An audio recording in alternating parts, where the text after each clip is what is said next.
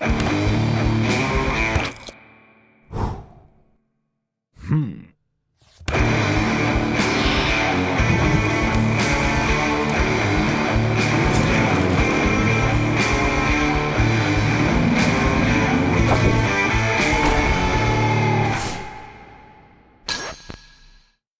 Zasvetleo je žuti krug.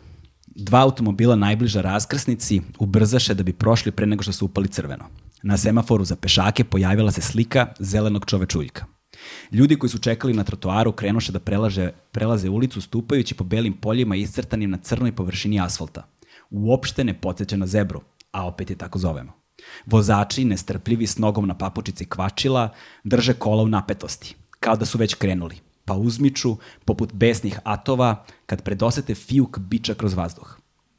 Pešaci su već prešli, ali će se svetlo za slobodan prolaz vozilima pojaviti tek za nekoliko sekundi. Postoje oni koji tvrde da ova zadrška, na prvi pogled tako beznačajna, pomnožena hiljadama semafora koji postoje u gradu i brojem smena tri boje na njima, predstavlja jedan od najznačajnijih razloga za zastoje u automobilskom saobraćaju. Odnosno za gužvu, rečeno svakodnevnim jezikom. Zeleno svetlo se napokon upalilo, automobili nagle, ali odmah je jasno da nisu svi krenuli u isto vreme. Prvi u srednjoj koloniji još uvek stoji. Mora da je u pitanju nekakav mehanički problem. Otkačila se papučica gasa, zaglavila se poluga menjača, došla do kvara u hidrauličnom sistemu, blokirale se kočnice, otkazala elektrika. Ili mu je naprosto nestalo benzina. Ne bi bilo prvi put da se dogodi tako nešto. Nova grupa pešaka već se okuplja na trotoaru ispred prelaza, vidi vozača sa one strane vetrobrana kako mlatara rukama dok automobili iza njega frenetično trube. Nekoliko ih je već iskočilo iz svojih kola u nameri da odguraju zaustavljeno vozilo, u kraj, negde gde ne bi ometalo saobraćaj. Kucaju mu ljutito o staklo, a čovek koji sedi unutra okreće lice ka njima, na jednu pa na drugu stranu. Vidi se da nešto viče, po pokretima usana jasno je da ponavlja jednu te istu reč. Ne u stvari jednu, dve, koje će uspeti da čuju i razumiju tek kada im napokon pođe za rukom da otvore vrata. Slep sam. U pitanju je roman Slepilo, a, a, pisca Jose Saramaga, čovek koji je te, dobitnik Nobelove nagrade za književnost i koji ja mislim da nije napisao ni jedan redak prozni pre svoje 60. godine, proverite to na internetu, ali tako nešto, jako kasno je počeo da piše. Slepilo je jedan njegov, verovatno najpoznatiji roman koji je ekranizovan takođe u film, ovaj, a koji simbolično predstavlja a, neimenovane likove koji postaju svi slepi i u tom slepilu svoje sudbine daju ruku, ruke a, državnoj vlasti. I onda zapravo to slepilo se negde odnosi na slepilo i bespomoćnost nas, običnih ljudi u sistemu u kojem živimo, da se izborimo za svoja prava, za pošten i fair život i zapravo jedan vrlo angažovan roman, meni dosta značajan u životu. U vezi sa borbom za prava običnog čoveka, Uh, želim da pozdravim vas, moje pre svega drage prijatelje, potom i kolege i dobrodošli u moj topli dom. Bolje Marka, e, Marka Žvaka, Čavić i Šaponja. Hvala ti na ovoj najavi. Hvala, brate. Podigao na pijedestal sad. Da. ali samo da znaš, kad malo pogledaš bolje stvari, ćoravi vladaju planetom. Pa da. kapiraš? Da. Svi ovi Evo, najmoćniji... Nas trojica, recimo, vidiš. Da, brate, pogledaj, ono, e, Bill Gates. Da, ćoravi. da ne, ne širimo priču u tom smeru, ali svi ćoravi vladaju planetom planetom, tako da... To negde posjeća malo i na pripovetku vođa, čini mi se, Radija yes. Domanovića, gde se na kraju ispostavlja da slepac taj koji vodi ljude, znaš. Mm. Dobar, je, dobar je zapravo taj atribut slepac. Znaš, zato što ima to je slepče, da, i kao mm. slepsija, ali i kao slepsi zapravo da, da vidiš stvari u životu koje se dešavaju. Evo, u trenutku kad nas trojica sedimo, opet je najzagađeniji Beograd grad na planeti. Da, to je pakao. I što bi rekli, pa šta? da, pa šta sad? Nekako mislim, je to bila vest kratko i da, onda smo dalje. Znaš. Nešta kao, da. čak. Ne, ne, zanimljivo kako viš to balansira ovaj, tamo, notorni lažov, on kaže, pa moja deca su isto kao napolju, kao sve, troje dece imam, i on svoju ciljnu grupu, odnosno svoje birače time pokrije i čao ono, brate, on šeta decu na polju. Ali to, to mi to. nikako ne, to, ne, to je ono što ne mogu da razumem. U prošlom podcastu mi je bio Vladimir iz Ne dajemo Beograd i pričali smo upravo o tome i baš je to bila tema. Kao, ali i ti političari žive ovde. Znaš, kao dišeš ovaj vazduh. Da, mislim. ali to je, mislim, onog momenta kada bi prešli u opoziciju, oni bi pričali, jao, što je zagađeno. Mislim, to Zato je taj je do... moment, jel doživljavaju Mislim da to, kad uđeš u sistem, automatski ti kreneš da braniš tu poziciju. Mislim, nažalost je takav sklop, verovatno, kod većeg dela ovaj, tih ljudi koji generalno nas vode. Na ovaj, ovaj On brani industriju koju je on doveo. To su železara, kinezi, taj barič, neki kinezi koji isto zagađuju. Termoelektrane zagađuju, to je isto problem ove administracije. Da. Iako bi rekao, dobro, da, mislim što bi kao bilo humano, jeste. Ogroman je problem. Mi krećemo to da rešavamo danas. Sigurno bi mu malo pao rating kod te ekipe koje mu sve veruje kao sve je super, kojima on priča bajke. Tako da, nažalost, kad merka zdravlje nacije i njegov politički ovaj, rating i opstanak pobeđuje, brate. Politički koliko, rating. Koliko to zapravo oslikava uh, stepen gramzivosti, ono, u da, živimo, zna. moći zeznuta Pa stavno. da, mislim, to je kapital, razumeš, to je svašta tu, svega tu ima, razumeš, ja. sve to... Ne no. znam, ono, baš pravili smo, po, poslednja, poslednja epizoda baš bila vezana za, za Marka Žvake za zagađenje i pričali smo, ovaj, o tome i nekako kad ti vidiš kao i ti filteri, ni to nije rešenje. Da, da. Kao te zemlje više to, prosto, jer i ti filteri i to što bi se kao napravilo, sredilo i tu se skuplja to đubre, taj otpad i onda se oni negde opet odlažu, opet ih trpaš u prirodu, nego kao trebalo bi da... Da odustanemo. A mi verovatno izvora, prvo treba da dođemo do tih kao filtera koji da, su bolji, da. pa da ne znamo šta ćemo s tim otpadom iz tih filtera, pa onda je taj sledeći korak koji je verovatno neki, ne znam ni ja šta je, ono, sunce, vetar, Da, da, da. Zato... Pitaj Boga šta je. A ovde Zato... ima košava kako hoćeš, mogli bismo mi bar... Ne, nema da, više e, a to košava. je sad... To je e, isto promene klimatski dovele do toga da toliko i ne duva vetar više koliko je duvo, tako da, da, da duva više. Zaista nisam Tako da je to, da, da. mislim, ono kao, jel, da li je bilo zagađeno i pre? Bilo je, okej, okay, nije bilo možda toliko sad uh, još neke industrije nove, da. ali generalno uh, E, te čestice su postojale i ranije ovde, ali je bilo više vetra i to je ono što, mislim, evo, ove zime nije bilo snega, dosta je toplo, nema vetra. Mislim da je to moment gde se te da. klimatske promene odražavaju i kod nas, jer negde, ne znam, se tope glečeri, negde ima više padavina, negde manje, kod nas nestaje košava. A Čićvu kaže, video sam četiri, ono, u četiri automobila po jedan vozač. Znači, on svodi na to, brate, da vi pravite Standard. To je možda jedna od najgorih stvari u svemu ovom, pošto, mislim, uh, užasno je porediti uzajamno bedu, ono, back to back, naš, naravno, ali među svim tim užasnim stvarima jedna od najužasnijih je svođenje celokupnog problema na običnog čoveka. Pa da. Naš, na ovaj pa, najsiromašniji da, sloj stanovništva. Što ako svede na sebe i sobstvenu odgovornost, onda mu pada rating i tako da, dalje. Ili uopšte na ono, ministarstva koja bi trebalo da se bave time. Znaš, a, ovo je kao građani, vi se grete, vi šta bre, se vi grete, lignitom, još vozite te raspale dizelaše i vi zagađujete. Sad, to što je to mnogo manji procenat nego industrija, znaš, to je sad druga tema. Ovaj, ali hajde da se malo udaljimo sad od te teme. Ajde, imamo puno vre, imamo mnogo, imamo mnogo vremena ovaj na raspolaganju i daj da ga ispunimo stvarima kojima obično ne govorite. A pretprošli put kada mi je Kesić bio, jel te, ovde u gostima, onda smo baš pominjali o tome kako je on bio zajedno sa vama ovaj, jedan od začetnika takozvanog gonzo novinarstva, pre nego što smo verovatno znali šta je gonzo novinarstvo. Mislim, ja sam, znaš, te pojmove tek saznao kada sam čitao Paranoju Las Vegasu Huntera Thompsona, ali mi je i dalje sam koncept bio, ono, prilično nepoznat. On je sada mainstream postao, naravno, tamo posle 2000-ih ali ovaj, tamo početkom 90-ih bilo je vas nekoliko koji se zapravo to radili pre nego što je to bilo cool. A, bio je Kesić, naravno. Da. Ovaj, bili ste vas dvojica i ja mislim da je bio Čiki. Ono, yes. Čiki kod Tiki. Da, da, da, Čiki. Da. Sad ne znam da li je bio još neko ko je snimao na sličan način.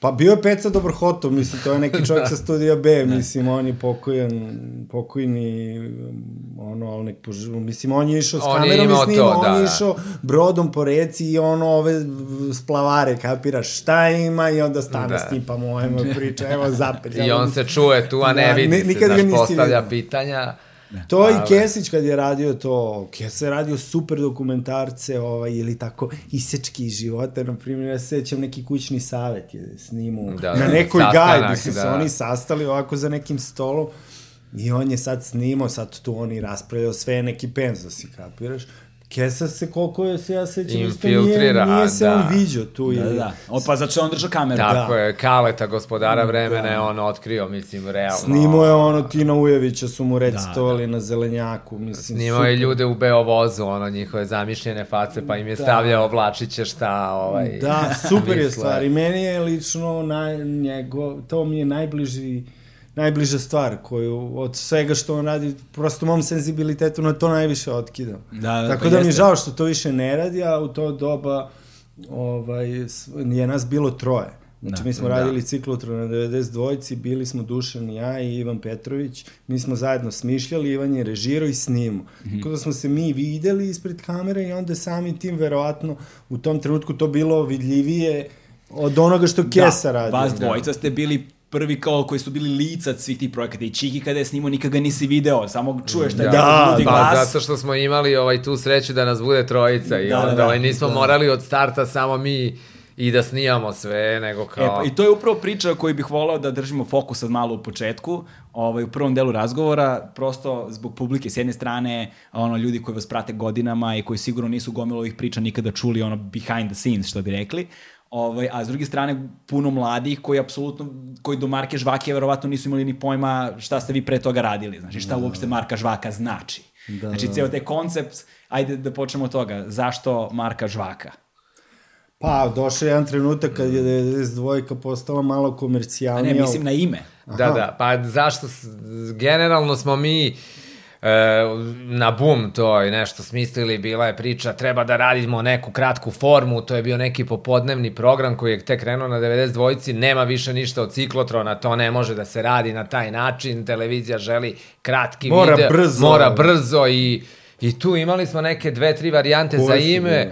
Pa ne, ali ono, sećam se da smo nešto se nalazili, lutali gradom, psi, kao, e, i kao Marka Žvaka, to kao žene kese, to je nešto što nam je ostalo iz 90-ih, prodavale su se Orbit žvake u podzemnom prolazu na Zelenjaku po ceni jedne marke, ti ljudi su vikali Marka Žvaka, Marka Žvaka i to, to nam je delovalo kao neki, kao nešto što može lako da se zapamti, A nema A- veze ni sa čim, prosto a nije... opet sve može da uđe u to, kao, pa to. nema kao nikakvih ograničenja, možda snimaš Ja, i... To je bilo 90-ih kao s jedne strane Marka Žvaka kada je došao na Avramov dinar, jel? Da, to, da, kada da. su se pojavile Orbit Žvake, jer I danas su Uopšte. Orbi žvaki. I danas je to ta jesu? cena, jer je... A, pola eura. Od Pola eura, 60 to je dinara, to ne znam to. koliko su. A s druge strane, bilo je i ono, neću, ku, neću žvaku, hoću kusur. Da. to je isto Da, bilo, da. pošto kada je dinar bio devalviran, svoje vremeno 90. godina i kao na kasi šta god da kupuješ, tebi pro, kasirka nema da vrati Nešto sito, ti- nego ti da žvake, znaš, kao, i onda, i onda je neko izvalio, ne znam,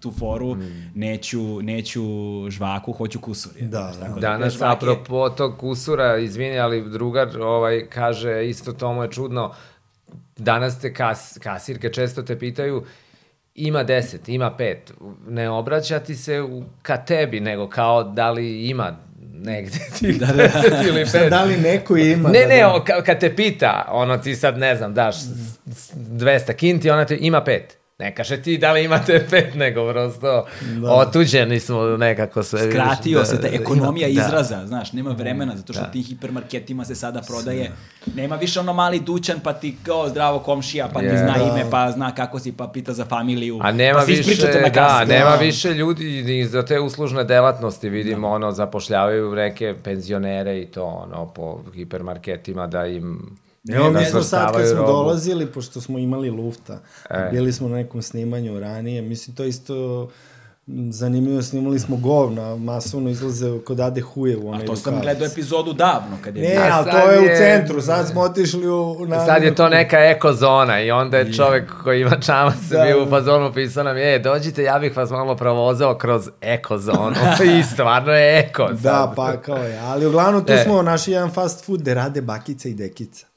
I mi smo kod njih, ovaj, znači onda je meni bilo čudno, svim tim fast foodovima rade neki mladi ljudi i sada ovi su baš onako ko par Pa, neki. e, A takođe sam čuo i priču da ovim velikim hipermarketima ovaj, a, postoji pravilo ne znam, dakle spekulacija je ne znam da li je tačno, ali sam čuo sa nekoliko strana priču da postoji pravilo da ne zapošljavaju njima ljude iz, u, u, iz kraja.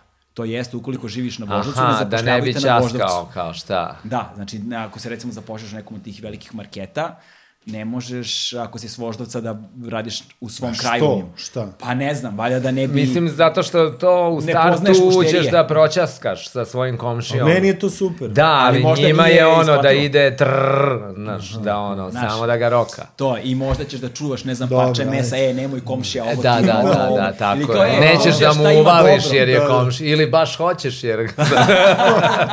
Nikad ne znaš. ja komšija. sam čuo isto ovaj, u jednom od ovih koji su stigli nedavno, hipermarketa, uh, pitam to, da li vam treba, imao sam nešto, vidim da je račun, tipa mogu da kažem, e, imam 30 kinti da, Da, da, da. dodam.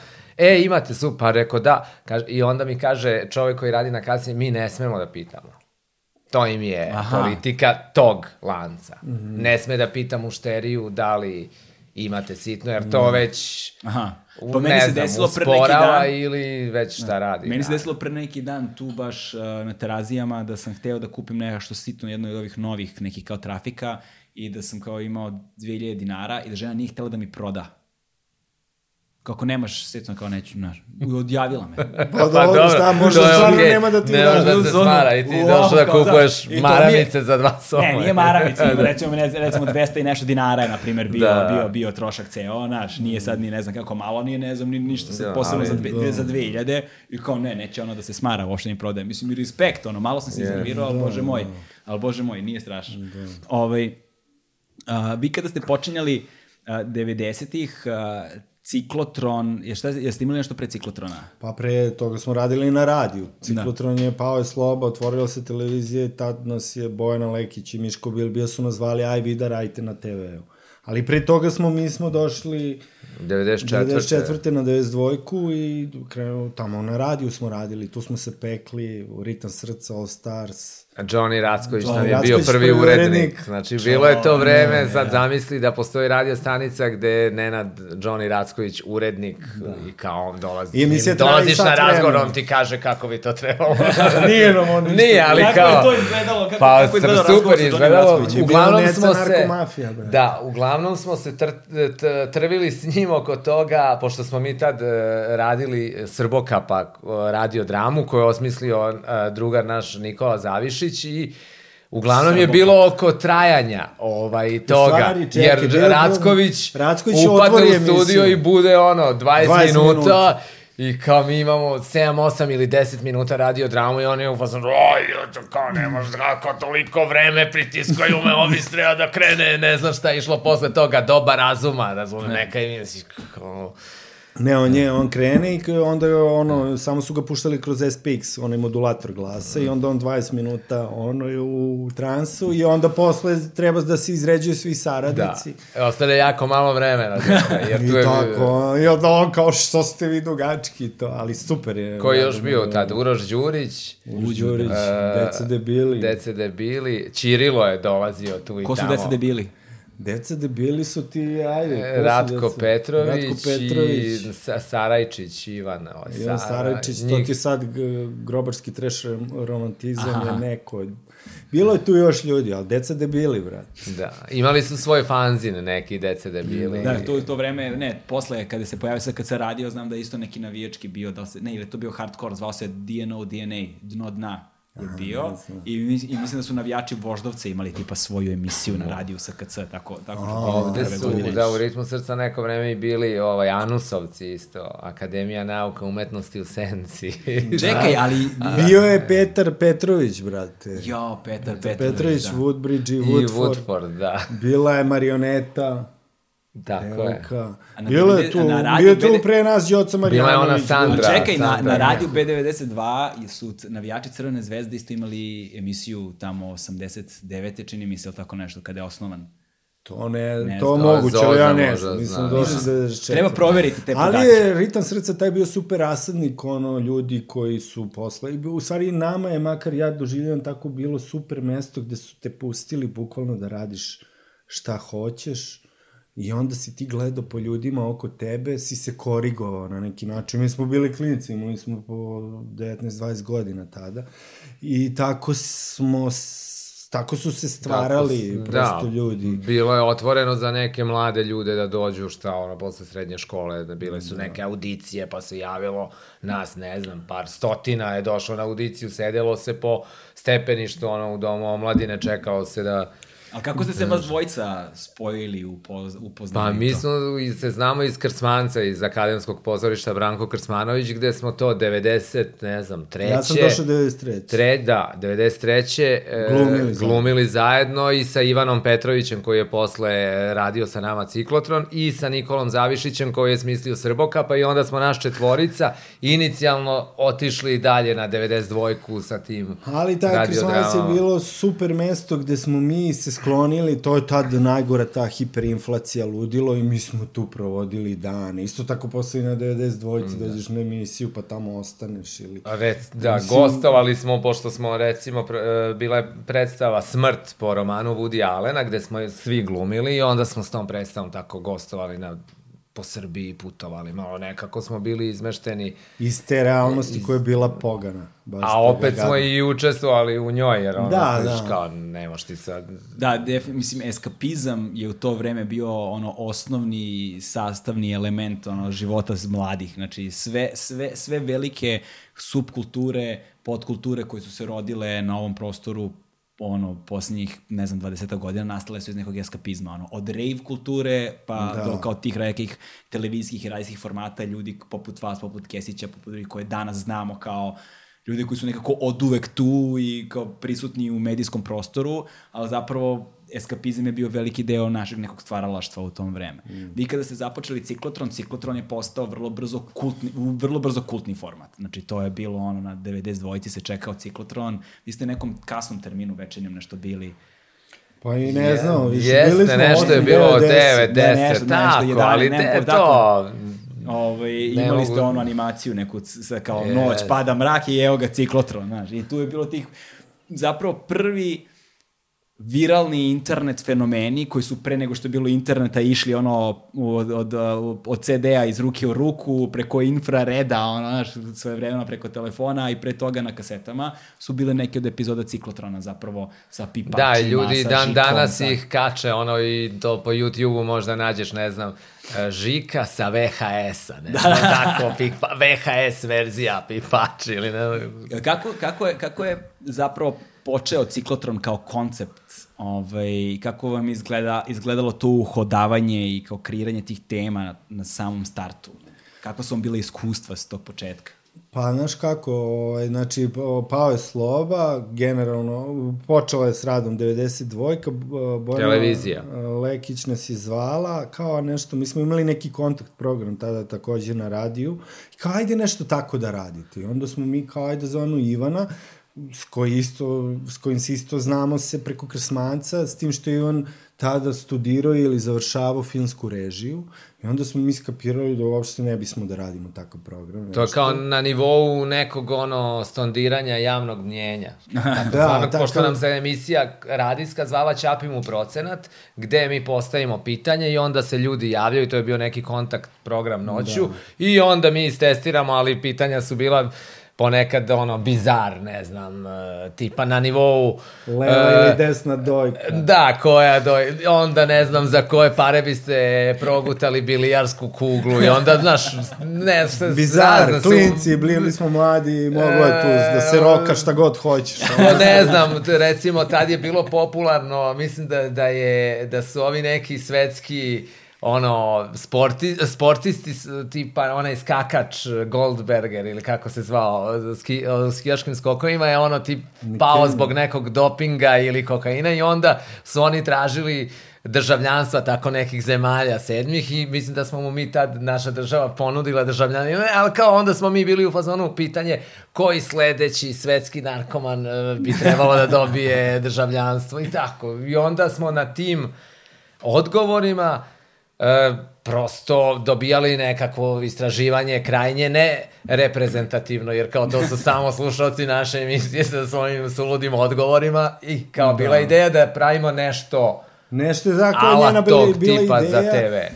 I ovaj, onda smo mi seli i skontali da ne bismo to da radimo. Ne, nismo imali ideju za to i onda praktično došli smo do toga da ajte da radimo nešto što bi mi gledali na televiziji, neki program koji bi nas interesovao. I imali smo pritom širom otvorena vrata da radimo što god, šta god želimo, što je divna stvar u životu, generalno, da. čime god da se baviš, da nisi ograničen ne ovo, pazi ovo, nego, brate, ajde šta bi ti u tom, toj... I onda mi sednemo, znači, nas trojica, Ivan Petrović, Dušan i ja, i stavljamo na papir razne neke teme, razmišljamo šta bi, ne bi, onda se dešava da čak počnemo nešto da snimamo, pa shvatimo, ja, vrate, ovo, ovo je stranje, nećemo. Da... Ivan je tu bio da. najrigidniji onako i on je tražio da izbrusimo dobro teme i pritom smo imali tu, ja ne znam koliko si ti imao vremena, na primjer, kad si radio na Vajsu, dokumentarce, kao aj sad kreneš da radiš, za koliko ti izlazi Iš, pa zeznuto je kad proizvodiš za televizijski to, znaš, format, imaš sad, da,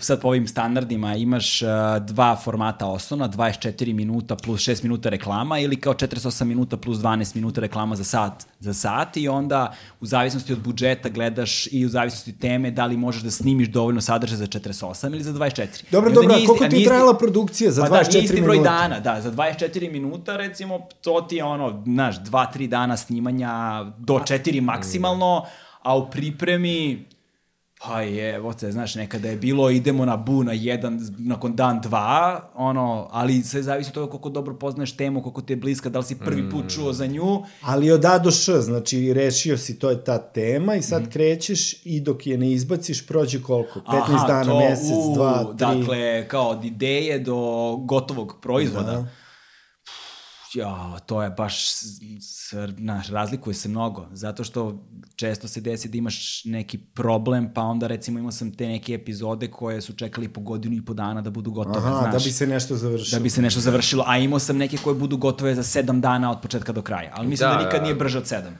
Nikad nije brže od sedam. Dobro, a mi smo, znači to kad smo radili prve dve sezone Ciklotrona jedine za sada, znači to je 2001. i 2004. Imali smo 12, ne, 10 meseci za 12 emisija. Ali to je u drugom sata. serijalu, a u prvom smo išli na dve smo, nedelje. Da, u prvom smo u nešto... U prvom je bio pakao, znači mi kao... Ne, ali napravili smo neki štek. Ali to je jako malo bilo, ono, metanje i ne znam šta, prosto već smo krenuli neko, od nekog januara da. 2001. Ali uglavnom sjajna je stvar kad ti imaš 10 meseci pa da pratiš nek, mhm. neki broj Neku priču, stvari pa, da, duže da. vremena. Ali ja nikad nisam imao tu slobodu, znaš, zato što da. nekako... Pa i mi nismo imali, mi smo imali jednom. Za to izborili u drugom serijalu jer je prvi kao mm. bio fenomenalan i kao ajde pravite, to je strava, pa mi kao ljudi, ali ne može ovim tempom, mi ne možemo da izbacujemo na 15 dana nešto što je kao između dokumentarnog uh, filma i ne znam, uh, TV emisije, nešto što kao... Mm I svako da bude zlatno da, govno. Da. I pritom da bude... se i putuje i, vra, i kao brdo materijala, ni, nije digitalno, ono i dalje su te trake, to sve ne, prosto ne, ne može da, da bi to ličilo na nešto. I onda u drugoj sezoni smo se kao izborili za te uslove da mi snimamo nekih desetak meseci i da napravimo 12 uh, e, epizoda koje onda televizija izvrtela u roku 3 meseca i to je bilo ono 24 minuta trajanje. To je prvi put da smo kao uh, ukalupljeni bili čak i u trajanje, jer u prvoj sezoni neke emisije su trajale, ne znam, 13-14 minuta, kao neke trajale pola sata, u zavisnosti od toga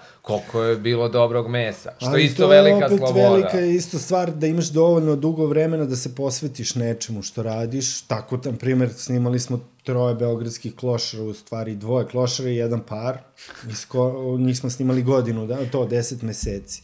I sad ti kad danas, kad bi otišao nekog našao, snimiš ga jednom i pustiš, kako mi danas snimamo tu Marka Žvaku, to ispadne manje ili više dobro, zanimljivo ovo ono. Zato što kad... raspolažeš onime što si snimio. Pa da, i ti si ga video tad. A ove ljude, ono, mi prvi put kad smo došli, ovaj nam je tek na kraju ispričao kako je ubio ženu, i njenog ljubavnika kad ih je našao, ono. Znači, oni ti se otvore, ti s njima postaneš, ono, blizak, voliš ih, donosiš da. im ćeba, da oni Odnosno, se obradu. oni te zovu, znači, dođi snimatelji moji, mili, dragi, sedi ovde. A prvih pet susreta je ono, ko si ti, šta hoćeš, aha, ja nešto da ti pričam, daj mi, ono, 200 dinara pa ćeš da, da čuješ nešto, prosto, posle... To je ono što mene ljudi često pitaju kao, zašto, recimo kada sam snimao te neke uh, dilere ili ovako i onako i onda mene ljudi pitaju kao, ma to si 100% namestio, to si 100% plaćeni statist ili šta god su, ono, te bre, si normalan, gde u Srbiji takve stvari postoje, Da, da, znaš, a ovaj, onda te ljudi pitaju, ali koji je njihov motiv, što bi oni želeli da snimiš, da, te, da ti pričaju uopšte sa, sa tobom, I ovaj kažem, ali nikada nemojte da pocenite ljudsku potrebu da ispričaju svoju priču. Ljudi žele da ispričaju svoju priču. Stvar je samo u tome koliko ti imaš vremena i sposobnosti da priđeš tim ljudima, da stvoriš taj most poverenja, da otvoriš ta vrata, da oni osjećaju da mogu da ti veruju, da ti njih ne osuđuješ. To je isto strašno važno mm. bilo kad god radiš neku priču s kime god razgovaraš, ne smeš da ni podaštavaš, da se podsmavaš čoveku, da ga mm. posmetaš novilno način. Moraš negde da se poistovetiš na neki način sa tom njegovom stvarnošću, njihovom, njenom, koju god, stvarnošću koju žive. Ovaj, i, i on, tada dolaziš do najluđih priča, ali samo kad provedeš dovoljno vremena sa njima, oni vremenom počinju da ti se otvaraju yes. i da Pa se da, da. motava to klub. Recimo, sjećam se, to nikad naravno nije emitovano, samo smo snimili, nismo znali šta ćemo s tim, bili smo svoje vreme, ono, u vreme ciklotrona došli smo do onog kavaja, onog lika Nikole ko- Kavaja, koji je hteo... U Lotus baru Da. smo se. I ovaj, i kao da vidimo, mi, mi smo mislili smo s njim da pravimo neki ciklon, on je bukvalno recitovo, Inkvizicija. inkvizicija, znači on je bio u nekim crnim čizmama i pantalonama Nešto i da se kao, ispitivo, ili ne se da li vi ispitivo? zna šta znate iz Gorskog vijenca, šta Da. znate, koje stihove, šta si kako krećeš, I znaš, samo smo bili u fazonu, ćao, brate, nije nam dobro posle.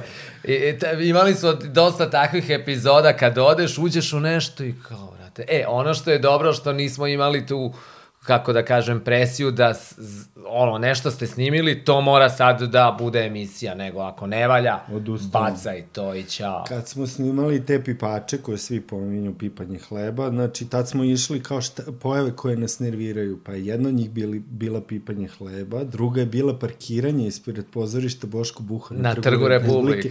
Jer su tu masovno ljudi parkirali Da, da, da. I, i ne znam šta je treća i to je trebalo da bude jedna emisija, mi smo to sve krenuli da snimamo i ovo s parkingom je kao bez veze nešto ispelo, nešto smo mi startovali te ljude, čekali da se parkiraju pa im Pa prilaz- kao šta i onda pa oni kao- tu pričaju, ja, vrate, došao sam po ovoj samo pet minuta, znači ono, nisam stvarno hteo, ali kao moram. I, ali shvatiš da tu nema mm, prosto mesa za nešto Da, da. I onda A ne znam šta je treće nam bilo, bio a hleb kvrc. je ono, hleb je proradio neviđeno. Ali, ali ajde ispričajte da baš tu priču o pipačima, sad onako lepo od početka do kraja, ne znam da li ste nekada negde pričali, ovaj, ali, ali da pojasnimo možda mlađoj publici koncept pipača zapravo strašan fenomen 90. godina. Nekada davno da. su se svi hlebovi ležali su na policama. Bila je, znači, u, ja se sećam u mojoj PKB-ti bila je jedna polica koja je ono drvena, ono ko ove tvoje gajbice. Ovo. Onako i tu stoje, tu kad dođe hleb, ovaj uzme rukom, brate, i izređe ih tu sve. I nema papirnih kesa, nema celofana. Ima papir, onaj neki, onaj, onaj... One u listovima. Da, Onaj u listovima što ga iseku, to ima, dok ima, brate, a posle Ali i tada nema. je postojala kultura zapravo pipanja hleba, jer oni tebi Da. su imali taj papir koji su ljudi uzmu, Da. ono, ako su kulturni, oni uzmu pa opipavaju svaki hleb koji će da uzmu i da ponesu da, kući. Da, ti pipaš taj hleb. Ne uzimaš bilo koji. I svi smo ga pipali, Da, zato ja mislim da je ta emisija toliko bliska ljudima, jer svi su nekad pipnuli hleb. Kao danas više ne možeš da ga pipaš. Možeš kroz papir. Možeš, ali generalno mislimo da je to zapravo najveć, jedan od najvećih uspeha ako ima veze s nama, našeg bavljanja ovim poslom, što su relativno brzo posle pipača ovaj, počeli da se pojavljuju ti, te papirne kese su počele da se pojavljuju kojima, kojima stoji hlebovi hleb. stižu kao iz... Da, da. Već upakovani. Da, već upakovani, ali i to je opet, imaš ljude danas, ma, mora da se Mora pipne, da se pipne. da se vidi da li je to to.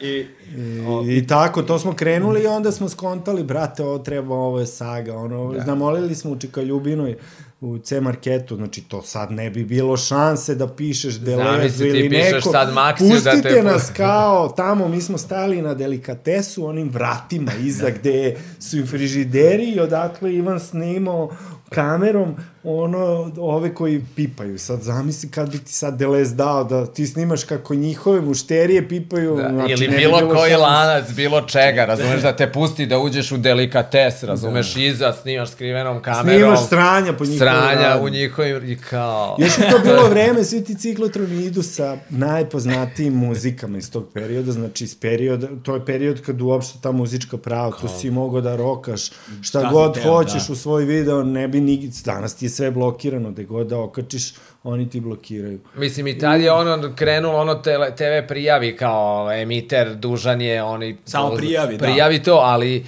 uopšte mi nismo imali pojma, razumiješ? Ali zamisli Fat danas- Boy Slim, može, stavi. Da, da, Fatboy Slim. Ali zamisli danas da snimaš ljude, Da, i da, ti ljudi ne potpišu saglasnost da, da, žele da, da, bude u videu. Znači, to je ono što je... To je ono što se promenilo. Znaš, mislim, Između znamo ostalog. ono između ostalog na Vice ili gde god, po sad zavisi koji standard se primenjuje, ali ti bukvalno ne smeš da imaš, ne znam, plakat Da, da, u ne smeš, kadru ne smeš. ako autor nije odo ili već. Znači, umetničko delo da koje je neko umetni- stvorio, Da. ne sme u drugom planu da se vidi. Jer Da, to automatski kao utiče na tvo, tvoje delo koje trenutno kreiraš i kao Pravo. prava i pre... I uglavnom, s tim pipačima, onda smo u jednom trenutku, ne znam kako i ko je sklo, uh, skonto, brate, ovo je kao samo treba da ide narator sa onim, kao iz opstanka, ono, Da, preživljavanje. da se napravi u tom formatu kao ne, National Kao, Geographica da. nekog o vrsti koja izumire Da, i... pipač, ono, i onda smo zvali naših drugara Dimitrija Stojanovića Dimosa, koji nam je pomogao i onda smo zajedno napisali taj tekst i onda ga Ivan čitao. Ivan ga je pročitao u tom maniru. Sve to ima na YouTube-u, u Ciklotron ima čitav I a, kakve su bile prve reakcije kada ste pustili pipača? Pa to nas je nekako lansiralo, prosto su ono, odmah Svi su su, reprizirali prepoznali. to 200 puta, proglašeni za, ne znam, emisiju godine, te godine Da, na da. 92, prosto je bio vazon. Isto negde, u, isto smo u inostranstvu neke nagrade odneli s pipačima, Da, da, da. ti ja znam. I posle i sa Žikom emisijom o tom malom Romu. E, pa da, ali Da. to sam, hteo sam Žiku kao posebnu temu da izdvojim, prosto je Žika, mislim, ljudi to danas ne znaju, ali Žika je nekada bio fenomen ono, centra grada, Jest. tu Donjeg Dorčola, oko Skadarlije, gore. Buceta, da, tu je živeo u onom tržnjaku na Nuskadaru. E, pa da, o, o, kombre, kombre tržnjako. Da. A onaj Onaj- kada s desne strane, onaj Bipo Pa kao- A da, to. jo, jeste, to je bio tržni centar, brate, da, da, da. Gde je Uce imao Fićka. Da, da, da, da. Ove, a, kako ste došli do Žike, kako vam je zapravo Žika pao na pamet, daj malo na što je širi okvir Žike, pošto sa Žikom postoji follow-up jedan Da. koji se desio nešto dosta godina kasnije. I, Pa mi smo zapravo hteli da napravimo uh, dokumentarac o, o detetu ulice, nekom ko živi na ulici. I onda smo odlazili uveče na Skadarliju, tražili, gleda, i onda smo se raspitivali kod ovih klinaca koji žive na ulici, prose, muvaju se, prodaju, ne znam, po kafićima uveče, E, i neko od njih, mislim one devojčice neke da su nam rekle ma ima taj Žika, on živi. Na, jer niko od njih nije živeo na ulici, oni su svi išli nekakvim kućama, a ovo im je bilo bekstvo iz tih raspad porodica, gde, a on je bio taj koji je zapravo živeo tu. On je bio, nažalost, I onda smo, potpuni raspad. Da, mi smo Mislim- njega nekoliko Porodice. večeri tražili prosto da ga nađemo. Na kraju smo ga našli i kao, eto, tu smo ga pratili danima.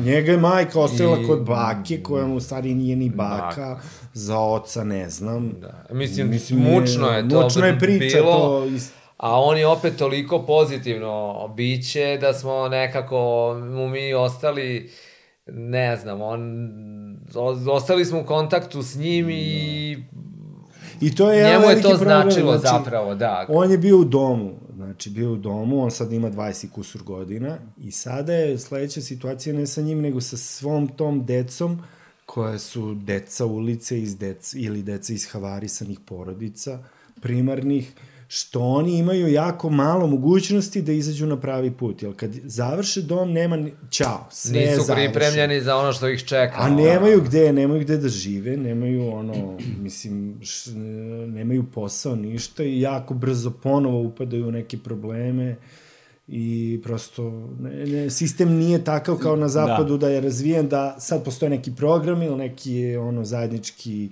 neki Prosto stanovi da je, pripreme ono, za zajednički život, ono. Da, mislim, Žika je bio totalni hardcore, ali je nekako bio slika ono tipičnog uh, deteta ulice i posebno romskog deteta kako smo viđali u to vreme mnogo češće nego danas. Danas je to nekako od nas, ne znam koliko postoji ne postoji, ali je prilično sklonjeno od očiju javnosti ako ništa drugo. Na.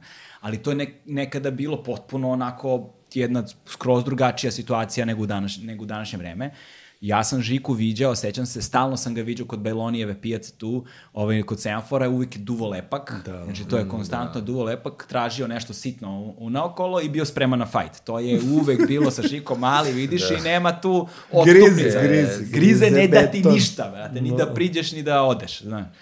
Ovaj, i, I taj njegov život nekako ono što je meni bilo fascinantno kada sam gledao ovaj, priču o Žiki kod vas jeste što ste vi us, uspeli zapravo da uradite nešto što ljudi na u velikoj meri dan danas ne razumeju. Kad god se radi o nekakvim važnim temama, o nekakvim da li socijalno ugroženim grupama, da li nekakvim društveno angažovanim temama, ljudi, i to sam ja prvi istu grešku pravio često, prilaziš strašno ozbiljno temi. Znači, prikazuješ je na ultra ozbiljan način i imaš taj nekakav šok efekat, gde velika većina gledalaca je u fazonu, ja, znaš, ne mogu ovo da gledam, ne znam, rasplakaću se, užas, bez veze, za razliku od nekih drugih emisija kao što ima onog da im grade kuće na sirotini, koji ima katarzični efekat, znači, kao sve užas, užas, užas, ali onda oni dobiju novi mm. dom i onda se svi isplaču, budu srećni mm. i odu da spavaju. Imate nekog čudnog voajerskog momenta u svemu tome, sa tom nekom katarzom mm. koju dožive, ali ono kada je nešto socrealistično, onda te to ostavi kao, znaš, dati uzorak tog života koji je sav crni i užasan i ono gde nema nade ni u tragovima i on te ostavi tako i kao kraj, znaš. I ljudi to uglavnom izbegavaju da gledaju. Ljudi kad gledaju TV ili šta god, otku znam, 70 i više procenat ljudi želi samo light teme. Mislim, ja vidim po svojim stvarima koje sam radio, ovaj, da su prolazile na taj način. Znači, kad god nešto, nečemu pristupim ozbiljno, to ja, veoma mali procenat ljudi zaista odgleda, a kad god je nešto ha, ha, ha, to je ono opšte narodno veselje. I, ovaj, ali vi ste uspevali da kroz koliko god taj žika da je hardcore, to je sve nekako bilo zabavno u tom videu. Znaš, bilo je nekog ono bizarnog uh, kontekstualizovanog, smešnog elementa, jer njegov karakter je bio strašno pa bedar. da, on njegov duh pa, je ja takav. Ja mislim da je njegovog karaktera i, to. Da. Zato što je on tako ljudsko biće, ono, on I on te kupi života. prosto, njegova aura je takva da, da. ono, i M je duhovit, a i mi smo kao voleli satiru i generalno samo ga pustiš. Mi nismo se nešto tu mnogo uplitali, samo smo ga pratili i još je on voleo to ispred kamere da, ono... On je zapravo živeo dole ili spavao tamo gde se okretnice trolejbusa na Dorčelu, tako nešto. Pa moguće u da. nekom da. trenutku kad smo A i gore onaj pratili, pogon isto, GSP. GSP, isto, Karaburma i Tacka Darlija, taj tržnjak tu. Ovaj, ali, mislim... Žika je u jednom trenutku nestao ono, iz ulice i svuda i nikoga, ja mislim, nije video. Mitrovica. Da, Molim? Mitrovica. Jel šta, zatvor? Pa zatvor, on sva, ono, izađe pa se vrati. Mislim, koja, koja je da. priča zapravo nakon vašeg dokumentarca o njemu? Pa šta se priča desilo? je posle, bio je neki popravni dom, je li tako? Bio je popravni dom, pa smo ga jednom, smo ga videli, još smo bili na 90 da. znači sigurno pre deseta godina. Tad je tvrdio kako kreće muzičku karijeru, kako već peva, ne znam. I on je u domu imao neki svoj bend, kao gde su oni nešto, ali prosto nije talentovan ono za muziku i kao to nije prošlo. On, on bi zapravo ovaj, voleo tada da je krenuo sa tom muzičkom karijerom i kao, ajde, mi smo ga snimali, on je tu nešto da, peo da mu pomognemo, ali to Onda opet nije bilo leba. Da. Bizar moment je bio jednom na nekim vestima, ja vidim neka žena je pokušala da se ubije i Žika tu priča kako je odgovorio od samoubistva. Ona žena, žena je negde kod Bajlonija htela da, da. skoči, da. šta da već bilo, kako već život to, to uredi i on je tu bio čovek i on je njoj on je razgovarao s njom i spasao jedan život. Tako da je Žika... Ono, ne znamo hardcore. sad šta je ono... Ne znamo gde je, ali svaki čas negde izađe neki komentar eh, da je u Mitrovici. Čak je bila ideja nešto kad prolazimo da odemo tamo da ga posetimo. On, da. Ne znamo ni gde, ni kako, ni šta, ali Emran Demirović. Ne, kažete, ovaj, ukoliko neko zna šta je sa Žikom, neka javi u komentarima. Tako je Pa da vidimo, možda uradite neki follow-up sa Žikom treći put. Da, što da ne, vazda. Treća sreća, ko Tako zna. Tako je. Ko zna, dva put ste ga snimali sa velikim da. brojem godina razmaka, pa možda sad treći put i nešto uspio. Što da ne. Da. Ove, ali ciklotron je imao šta, samo dve sezone? Da, imali smo recimo na kraju druge sezone, to je interesantno, E, snimali smo ljude koje smo već snimali u toj sezoni da vidimo šta je bilo s njima posle i onda su Žika i njegov ortak Mikac. Mikac. Došli smo, doveli smo ih na TV da gledaju sebe, da gledaju ciklotron o njima, odnosno o Žiki. Zato što nikad nisu ni Nis, videli. nikad ni, oni nisu to videli nikad, jer prosto on živi na ulici, nema TV, da. samo je provalio, ljudi kreću da ga cimaju, Žika, evo Žiko, evo ti kinta, evo, ne znam, kao to mu je značilo kao da ga prepoznaju i da ga manje cimaju, maltretiraju. I onda su oni ortak gledali to i mi smo snimali njihove reakcije, prosto kako da. di onda, ja, vidi me, kao šta sam, znači prosto...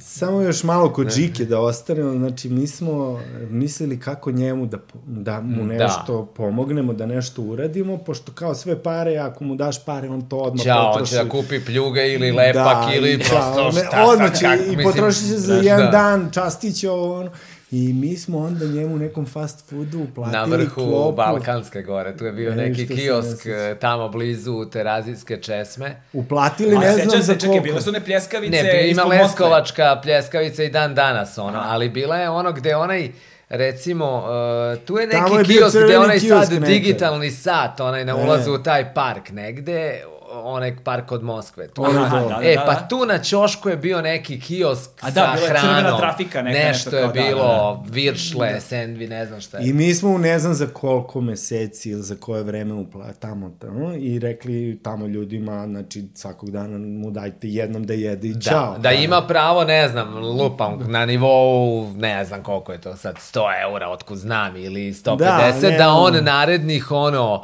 dva, tri meseca ima pravo na, ne znam, na 150 kinti ili 200, koliko na je bilo. pljesku Da, ili na nešto pljesku. i njemu rekli. I onda smo zazvali. I uplatili smo mu napred tu. Da, dali smo koji- pa.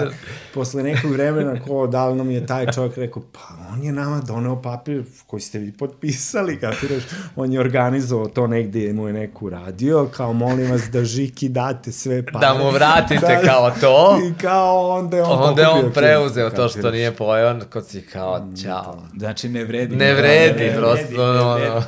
Ali uglavnom kod ciklotrona, znači te dve sezone i, i onda je to nije bilo rentabilno za televiziju da mi, da oni nam, nama plaćaju plate godinu dana, a da mi njima za to damo 12 puta po 24 Da. minuta.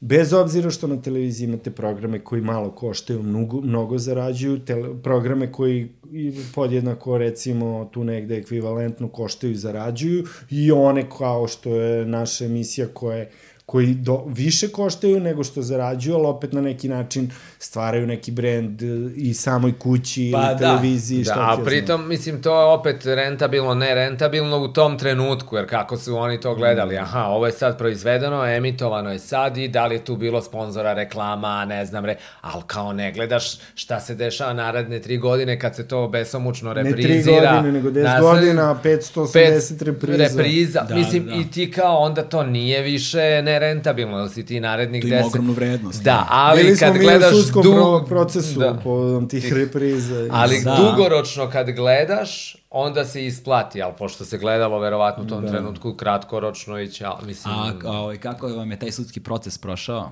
Pozitivno. pa pozitivno, Pozitivno, po a? auto. Po nas. Po auto. Mislim, prosto, eto Repri- tako, da. sve okolnosti su išle nama na ruku i bilo je jedan kroz jedan. Da, tragično je to što, što se u suštini desilo sa 92-kom u tom tranzitnom periodu, to je ono prva polovina ono 2000-ih, ono do 2010. dakle oko 2005. 6. 7. godine, ovaj, kada je krenula ta tranzicija na komercijalno tržište, kada su valjda donacije prestale ili šta je već bilo, za ne, ne, mogu, ne mogu ga se setim, neću da lupetam gluposti, Da.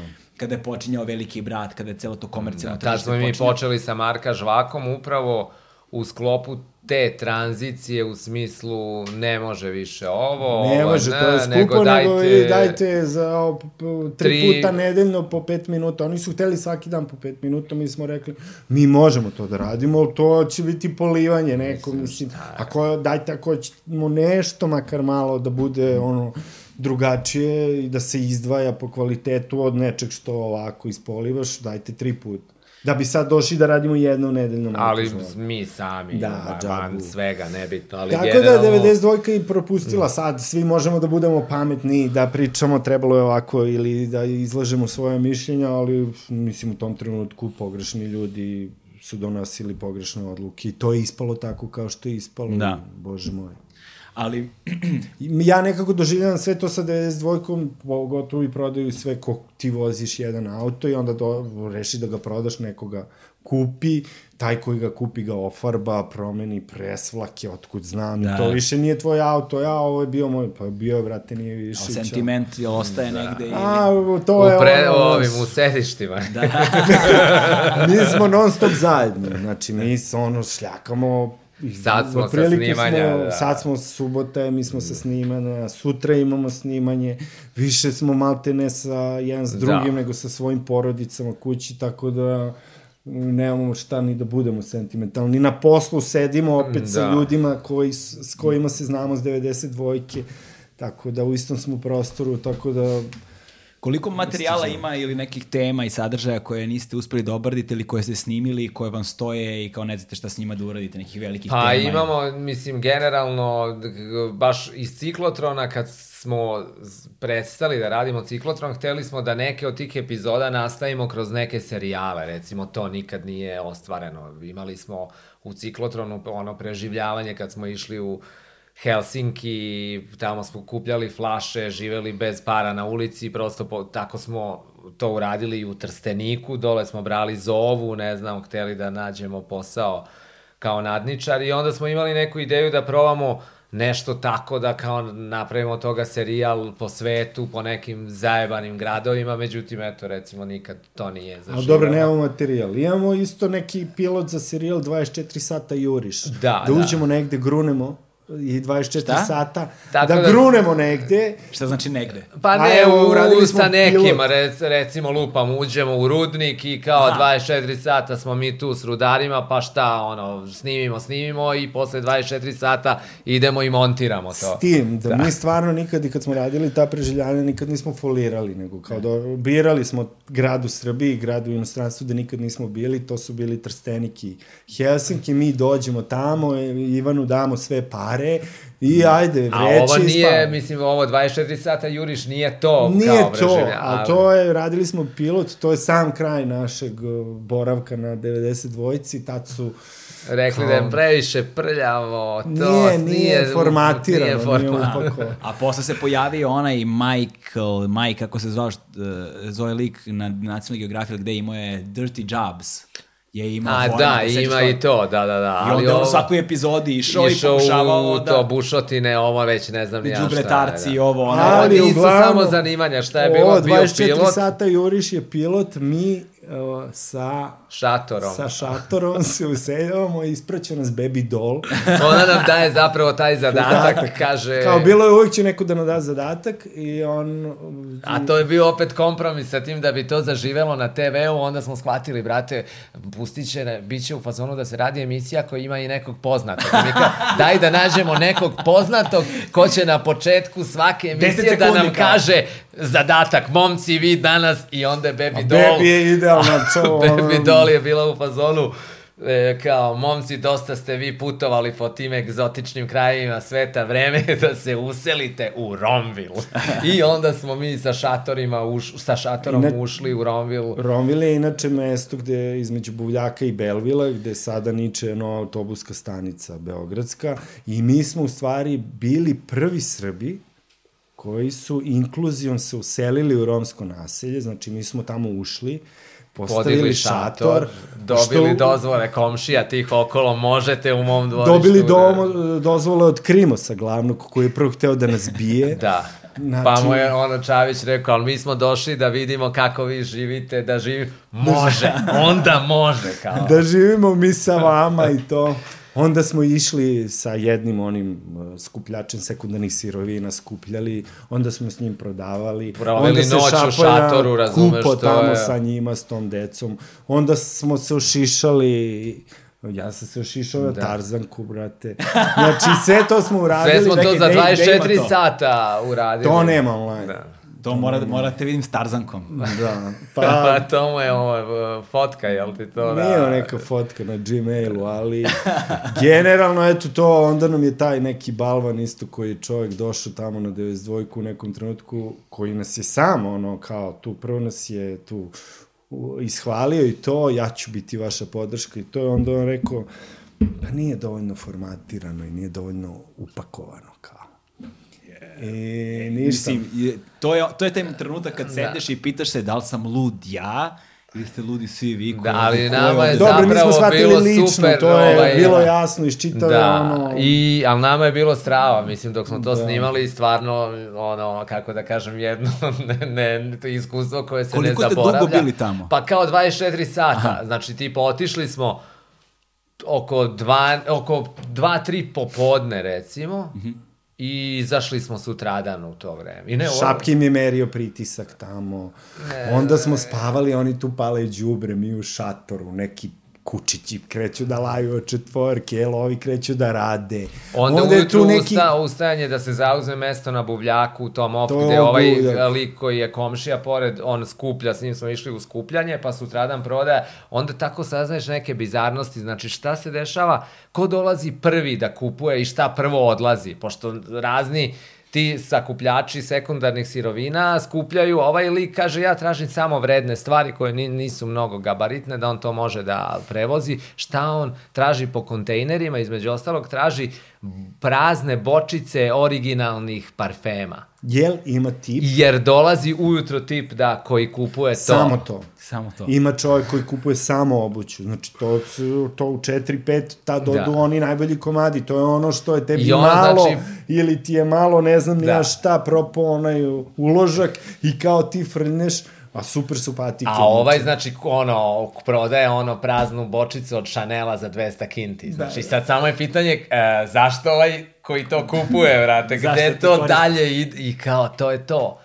Ali ima fenomenalne stvari, tamo bio neki komšija Edi, koji da. pali to đubre i on ga loži i sve, ali, brate, njemu ispod one njegove sklepane kućice masa saksija sa cvećem, sa onim da. kaktusima, vidiš da baš voli. On voli cveće, Biljke, čovek. cveće, sad mi ga pitamo, i on sad tu odu o, o biljkama, kako to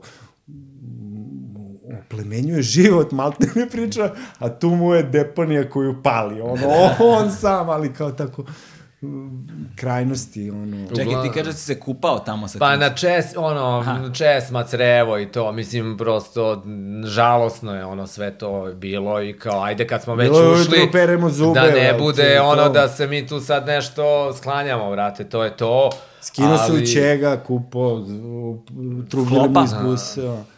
Pa klopa smo... Jeli smo šta je ona skuvala? Da, ona je nešto, ne, išli smo s njim kad smo obilazili ove kante, znam da smo, jesmo tad neku picu usput negde pojeli na parče ili ovo. Ne. Ne, ali tad smo imali smo pare. Nije Tad to nešto nije bilo kao preživljavanje, nego da se uselimo, da živimo. Da, nije bio moment e, kao ovo Trstenik i Helsinki. Cinema verite, da. da. I Da. to je super, ono kad se ti rokneš i mi nikad nismo lažirali te. Da. To što smo snimali, to je stvarno tako. Čekaj, ste snimili još neki, to je bio taj pilot koji ste Pilot snimili. nikad- Pilot, to- ovaj je to odjavio i mi to dalje nismo I imamo snimali. još jedan pilot koji isto nikad nije prošao, to je ono o kvazi naučnim pojavama zapravo A to je totalno po, to je online, ali nije zaživelo dalje, hteli smo da sa... Tu je sa, super da se obrade sad od rtnja preko ravnozemljaša, Da, o, ima znaš, i to je sada, nećeš, toga da. sad imaš u Mi smo radili u magnete, magneti, ljudi Magnete, magneti u da. prvoj i Totalno pomračenje se zove. I imamo dobro da imamo masu materijala, ali to su naša dva ozbiljna dokumentarna filma koje snimamo već 10 godina, evo sad će. A, jedan je o umiranju, a drugi o poslanicima. I o političkom sistemu u ajde, Srbiji. Ajde, ajde, ajde sad polako jedno po jedno.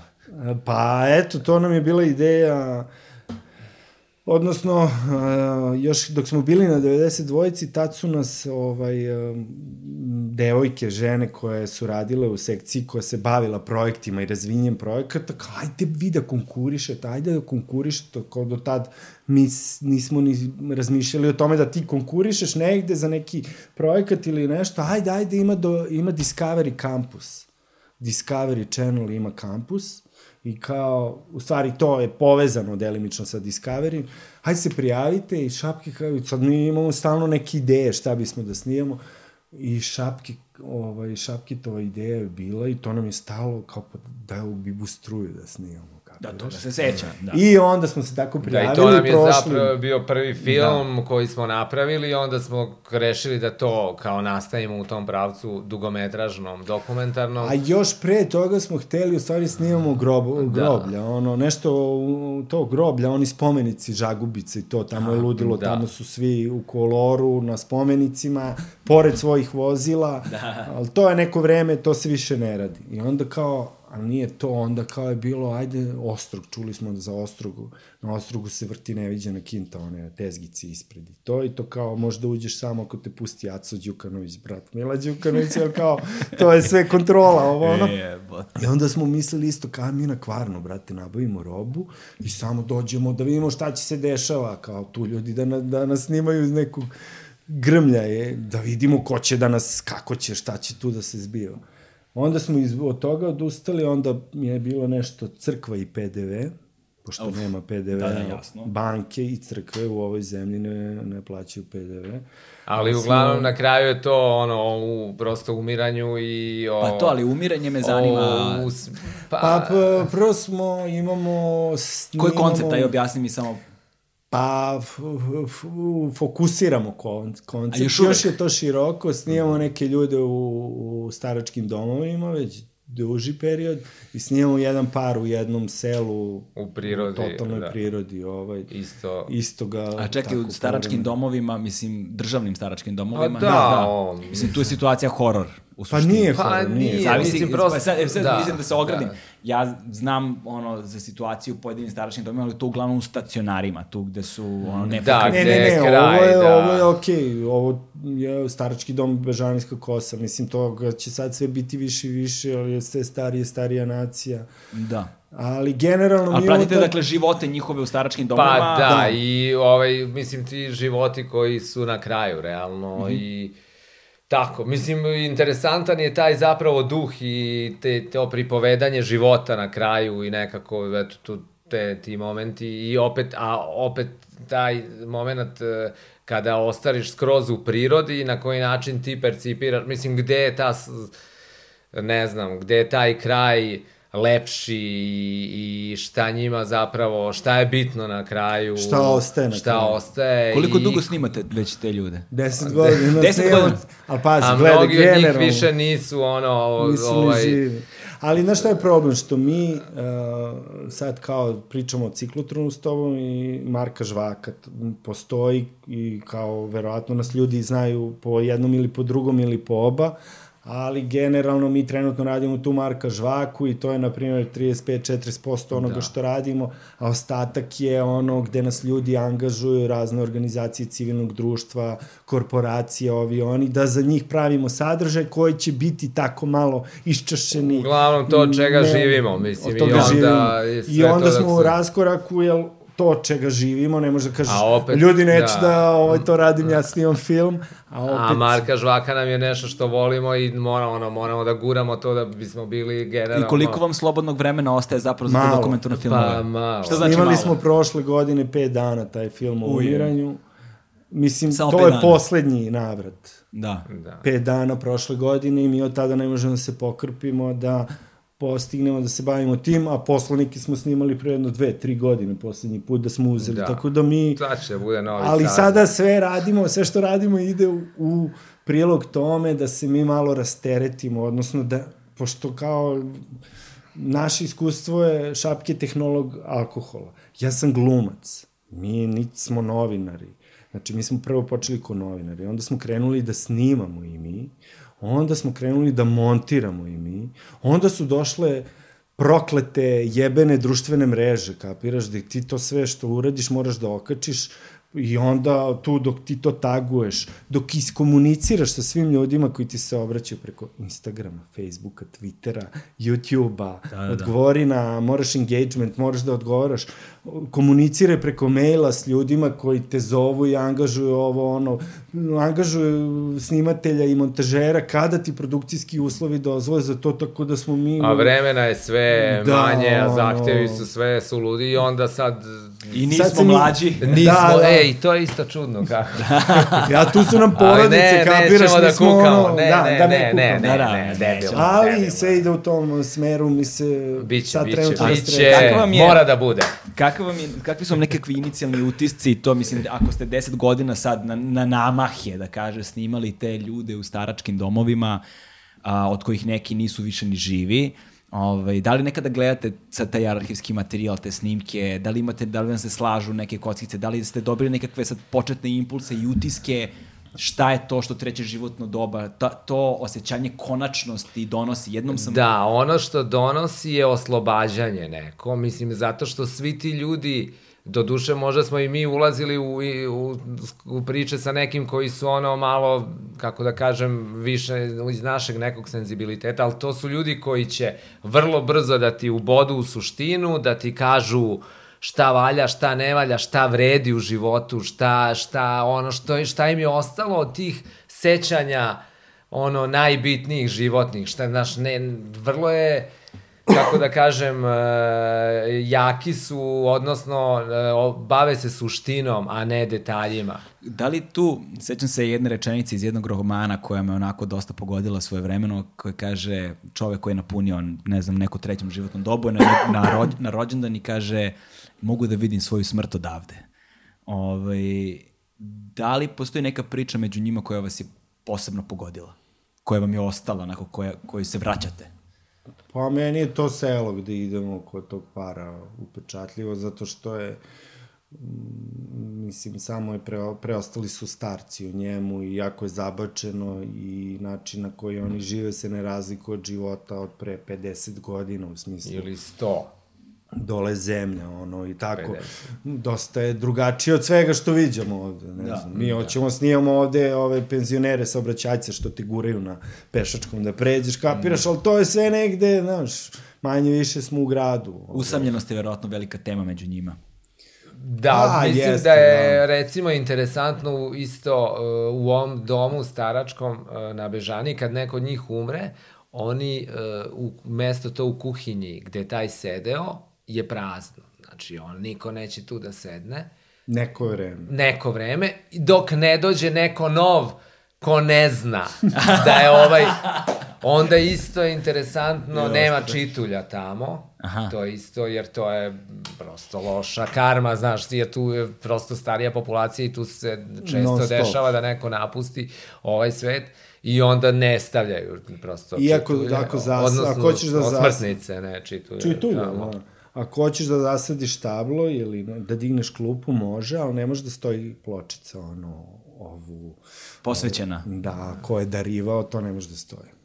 Zato što je opet to... taj A ovi darivao koji su u selu, prosto oni imaju sasvim 70. brige i ono što njih mu, da će on uspeti da se popne na to drvo ili će da, padne da, s da. njega i tako, ono, da li je voda ono iz potočića krenula ili nije, da li treba još nešto da se i životinje i tako, mislim drugačije, a, a opet jako im je teško, mislim ovi su u gradu, ti ljudi koji imaju para za dom, ajde da kažem da su to uglavnom ljudi koji su od svojih penzija, koje su malo jače nego prosečne, uspevaju da pokriju to mesto u domu koje nije ni malo jeftino, mislim to je ono fazon cela penzija, pa ono Da, ne znam. ostane im ni za pljuge nekima i tako Da, da. kada ode čovjek, ako su državni domovi u pitanju po automatizmu, penzija celokupna ide, je, ide, da. ide na, na troškove doma. Onda imaš žrtvovanje, kapiraš, ljudi žive, porodica živi u stanu, onda ostane sam ili sama baka i ona odluči, znaš, pošto nema druge opcije, ja idem u dom. Da bi deca sa unucima mogli da žive. Ja znaš o čemu sam ja da. razmišljao? Ja sam razmišljao o projektu jednom koji, nisam, koji ne znam kako bi ga vizuelno predstavio ukoliko bismo ga snimali, a to je ono dating neki za starije ljude.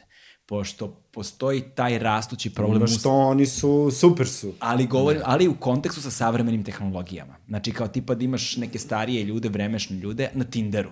Znaš, ili recimo, da li i oni sad koriste Facebook da bi se, znaš, koliko je, koliki je stepen njihove tehnološke pismenosti i koliko je njihov društveni život sada angažovani, posebno za one koji se slabije kreću, koji su dale udaljeni i tako dalje, gde sa jednom malom investicijom od, od tehnološk, da se postavi nekakav kompjuter, da se sad, ne znam, tehnološki opismeni, ne znam nikakve procena tehnološke pismenosti starije populacije, prosto zavisnosti od klasa. Ali je sve veći. Mislim, Ali je sve generalno, veći, svakako, mislim, da. ja vidim kako mi stižu. Ali postoji taj problem. ono da, su, odnosno, Da, da, ali- ti koji imam u imeniku koji nisu imali, neke, kao imam Evo sad. Viber. Ali postoji taj problem ageizma takođe, gde se kod nas stariji ljudi ne vezuju prosto za ono pojam u društvenih mreža i tako je. Sada Facebook polako prelazi u tu kategoriju gde su mame, tate, babe, dede, tetke Da, i ostali. jeste. Ovaj, ali gde, znaš, ne, ne, doživlja, ne doživljava javnost kao, recimo, Tinder kao aplikaciju koju će koristiti neko od 65-70 godina, na primjer. Zašto da ne? Znaš, gde postoji taj problem ageizma veliki i onda taj unakrsni spoj savremene tehnologije i starijih ljudi koji možda imaju a, ono nekakav problem sa izolacijom zbog slabe pokretljivosti, zbog udaljenosti lokacije na kojoj žive, možda zbog da. loših a, ekonomskih uslova života, gde bi njima svakako savremena, ono, te dru, proklete društvene mreže podigle verovato nivo kvaliteta života i šta bi sve tu moglo da se rodi, na koji Pa način se sigurno, spajaju. mislim, kad bi to osmislio, Ali, da. ne, da ideš ono, po stanovima i da ih edukuješ kako da koriste društvo, Da. da, bi ti bili ono, zahvalni dok traži, prosto to je čitan jedan novi svet koji Da. makar rešavate tu neku priču društva, ako su usamljeni. Ali ja mislim da je to stanje uma, što se go, tiče odnosa da. starijih ljudi, međusobnih, mi znamo jednu osobu koja je ostala mm. sama, stariju, koji je čovjek krenuo u život novi. Mislim, šta da ra... što je okej. Okay. Da, da, da. Mislim, pa naravno, tako treba, brate. Ali I ima to i ono, kulturološki, recimo, ovaj, nešto smo snimali ovaj, e, vezano za banke pre par godina za jednu banku po Srbiji i bili smo u njihovoj ekspozituri u Novom pazaru i u Subotici. I ti sad vidiš, subotički penzioneri koriste bankomate i dolaze tamo, dođe, podigne penziju na bankomatu, ovo, ono. A u Novom pazaru, ne znam, bakica uđe u, u banku, pa izađe šalterski službenik da je podigne na bankomatu i da je da prosto Da. mislim da ima veze i malo ono kulturološki koliko je I socioekonomski faktori iz mesta u kojem žive Tako je, prosto. znaš. Da, to I je... inače, kad smo već u toj sferi, Da, da, isto. znači, sever zemlje ništa ne donose bankarima, ono, pošto smo ih svuda pitali, dajte ono, da, znaš, da šta snimamo dobiju vam od donose. klijenata, razumeš, e, Ništa ne dobijaju, na, tamo prosto to nije, nije praksa, nije obič. U Novom pazaru, znači, baška čokolade i kafe, nego miris i aftershave-ovi, ozbiljna alkoholna pića, znači ono, viski. Kao kod lekara. da, Znači, da, da, ozbiljno, ali prosto je stvar mentaliteta, da. znaš, i to je... u ono tradicije neke ono utvrđene u svemu tome na neki Zna se čudan, red, način. e, a, pomenijali ste malo pre Bibu struju. Mhm. Fenomen Bibe struje i skoro, je, da li si ti okačio da, na, na Instagramu ili negde, Da, da. da postoji dalje ljudi koji ono veruju u Bibi struji i njegovim... Da. Znači, Biba struja je svojevremeno bio fenomen, ja, ja sećam da, mislim da sam ga prvi put vidio tipa kod Minimaxa, ili tako nešto, gde je ono Da, pržio odnosno, kobasice. Da. prvi, prvo njegovo gostovanje je bilo kod onog Milorada Crnjanina, mislim, u emisiji koja se zvala Panorama ili tako nešto, na, koja je išla na TV Novi Sad ili tako, ali to je kao tu bil posle Minimax, ne znam, eh, bilo ga je svuda, da. Mi smo u stvari imali ne zez, nego um, Biba, Biba je jako zatvoren, ono. I nije harizmatičan. Ko što je Žika, na primer, Da, da, da, da. života. Tako da bi, Biba nam uopšte nismo uspeli da ga otključamo. Teško je bilo tvo, uspostaviti, Što se tiče tog za, a što je jako bitno za film. Da. A opet, ajde čovjek otporan na struju, kaže on, ne može sad da tražiš da je i harizmatičan, da, ni, Da, da, da, da, da, da. ne može baš sve. Ali šta se dešava sad godinama Da. da. nakon tog filma koji izašao 2012. Ostala je Facebook stranica tog filma Battery Man eh, Biba Struja i sada masovno u nekim sad već intervalima nekad se o, obrate tu ljudi da. koji su iz, sa stranih televizija ono će ga dovedu u ja imam talent ili ne znam ja gde u, u Brazilu Obišao je, Da, bio je u Brazilu, ste više Da, sa njime da, beše. da. Šapan je išao tri puta u Brazilu. kao prevodilac, pošto on čovjek treba mu pomoć, a ovi su kao bili u fazonu možete vi da dođete, ako možete da s njim stvarno... Možete vi sa njim, jer Biba ono ne može... A on- još ima i brdo te svoje opreme, razumeš, gde ga cimaju na tim aerodromima i on sad treba da mu nosi u, u avion transformator, znači... e, Ne zna Čekaj, kako, engleski to. kako funkcioniše ta fora njegova sa strujom? On ima jako suvu kožu, nema Nije te, jedini. Ni, nema te znojne žlezde, u stvari... Ima e, ektodermalnu displaziju, i- to je suva koža, Da. ajde ovako laički da, kažemo u odnosu na nas i možda mi, provodi struju. nama, da, nama struja zapravo radi to što radi jer im smo puni vlage, a nje- njegov povr- površinski sloj, a mislim i dublje, je prilično suv i onda ta struja ide preko njega. I on je zapravo na ovu struju ovde iz svih ovih štekera otporan, on, On je može... provodnik neki. Da, on da, uzme ali ekser, provodnik gurne u koji- fazu, drži Da. sjelicu i ona će da svetli. Kao to je wow. ali, ali to ne ide dublje u njega. Znači, kao sad e, plastično, kad bi mi obukli neko e, gumeno odelo, ako je s polja mokro, ne znam, na kiši, da. ne znam, i onda to sad što je sve s polja provodi struju, a nama ne može ništa jer smo mi izolovani, na primjer. Da, da, da, Prosto da. on znači, je... njegova koža je kao neki prirodni izolator. Tako je, Da. a, ali i provodni,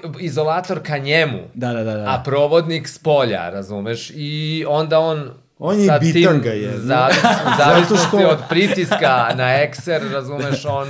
Da, da. On, on leči ljude, postoje ljudi koji mu veruju, i on njima pušta, prosto provodi struju kroz sebe i pušta u njih kao što kad mi odemo u dom zdravlja ili negde na terapiju, elektrokompationa, da. struja niske frekvencije, ili već šta već. I on to zloupotrebljava i uzima pare ljudima za to, znaš. I onda tako mnogi mu pišu na tu stranicu koju mi hendlujemo, traže njega i sada je bio ponovo jedna, jedan navrat kad mu je pisalo deset ljudi odjednom, ono kao. I onda smo se na kraju čuli s njim pre neki dan, jer smo snimali nešto u Kostolcu i kao, ajde da ga vidimo, jel, stalno on nešto, ajde idemo na kafu na pola sata. I ništa, on je išao za Beč, ide da radi. Šta da radi, da li u emisiji ili da leči, ne znam, ali uglavnom mi ga pitamo, pa šta je, što sad pišu masom? A, bio sam kod Marića.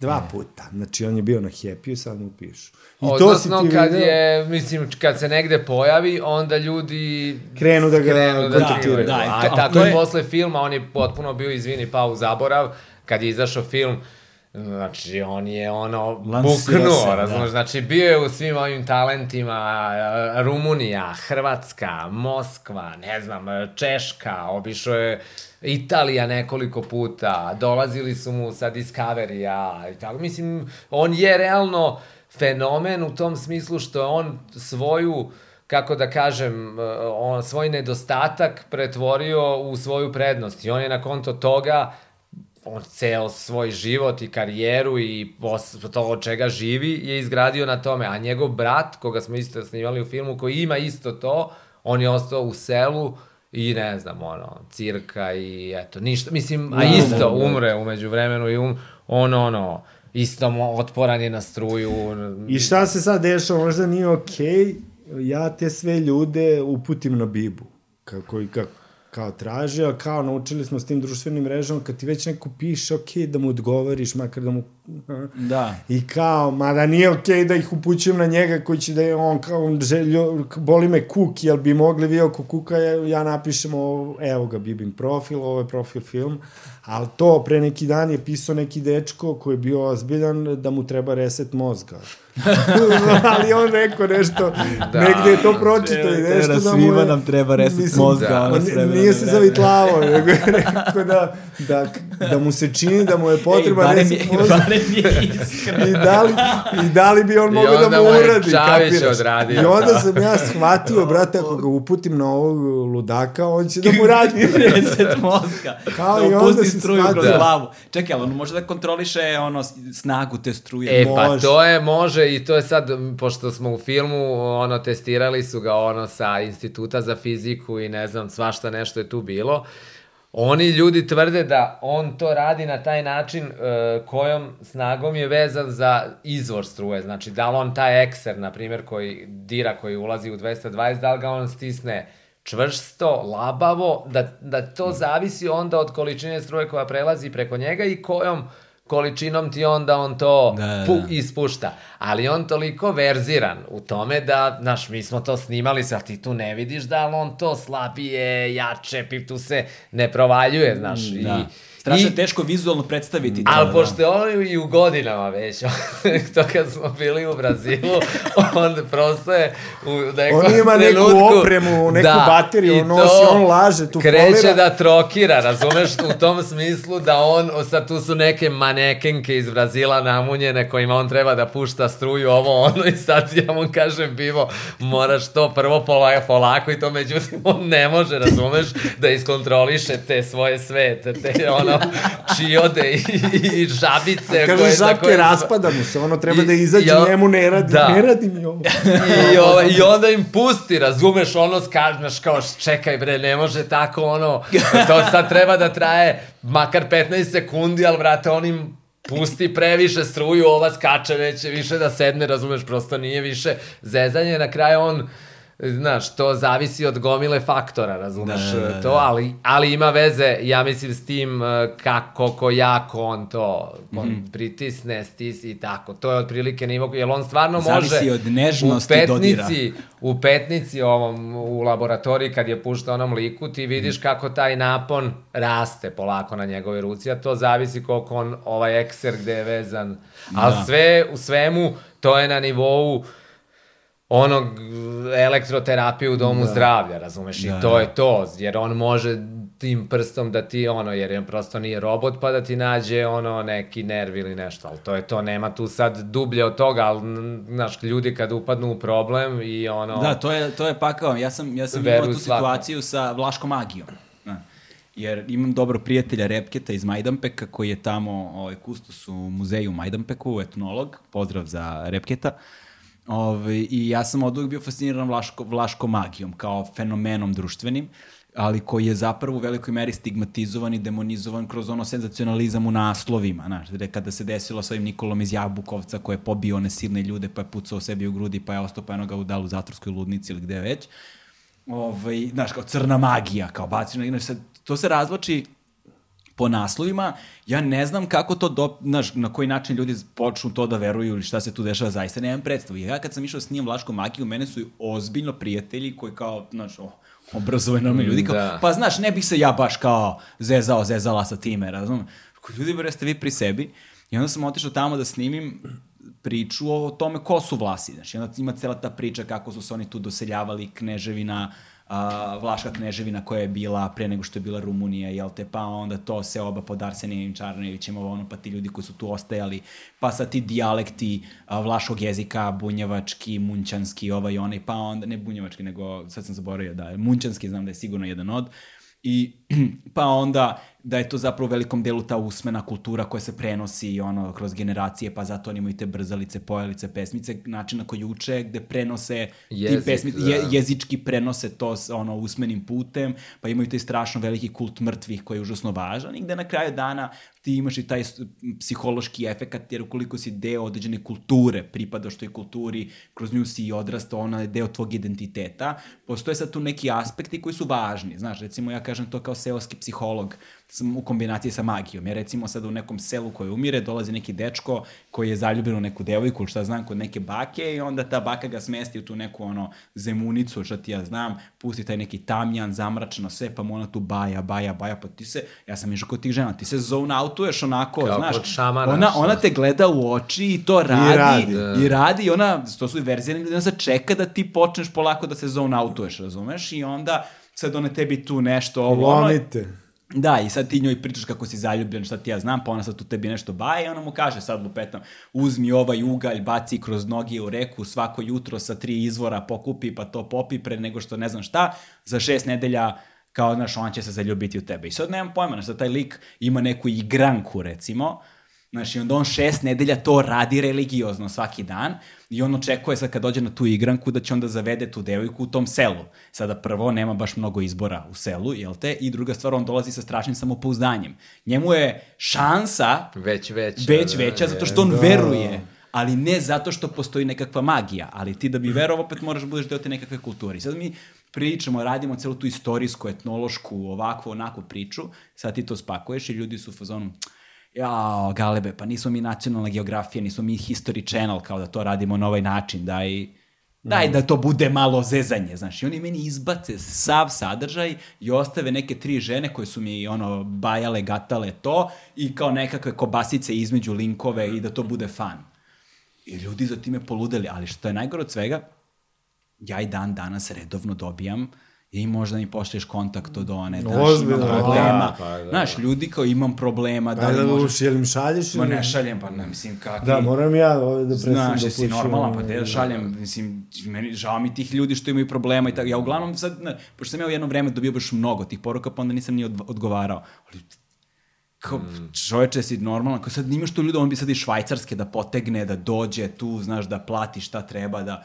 Ok, tamo ti ljudi žive stvarno u lošim ekonomskim uslovima dole, znaš, to što oni misle da te žene uzimaju milione, ne uzimaju. Da stvarno ne uzimaju, znaš, ali, brate, kao, znaš, Da, ja sam prvi put sad došao u to iskušenje i nisam mogao da odolim kad je ovaj čovjek tražio reset mozga. Video sam to je sinoć poslo, ja sam ujutru pogledao i ono kao da ga up... i onda sam mu napitao, napisao udahni duboko, noće su 3.16, ti si resetovao. I kao, vrate, to je to, ono. On je posle na, zahvalio se čovjek i to. I to mi se dešava isto i kad sam snimao ayahuasku, znaš. Ovaj, mislim, ayahuasca zaista ima strašno jak efekat, ali, ali opet ne mogu ja sad svakome ko se javi da objašnjavam, čekaj bre, polako, znaš, nekome treba zagrlje, nekome treba majka, nekome bre treba seks, razumeš, nije bre svako sad ono, Znaš, neko možda samo treba te sasluša u životu, da. možda nekome treba psiholog, psihijatar, neka druga vrsta podrške. Šta sad ti odmah ideš da piješ halucinogen, neki 8 sati ne znaš gde si, razumeš, ne znaš i da će ti pomogne. Tako da, mislim, meni su fenomeni zanimljivi, volim da ih istražim i da prikažem ljudima šta mi se desilo. Ne kažem da li je to ovako ili onako, ovo se meni desilo, ne znači da za tebe važi.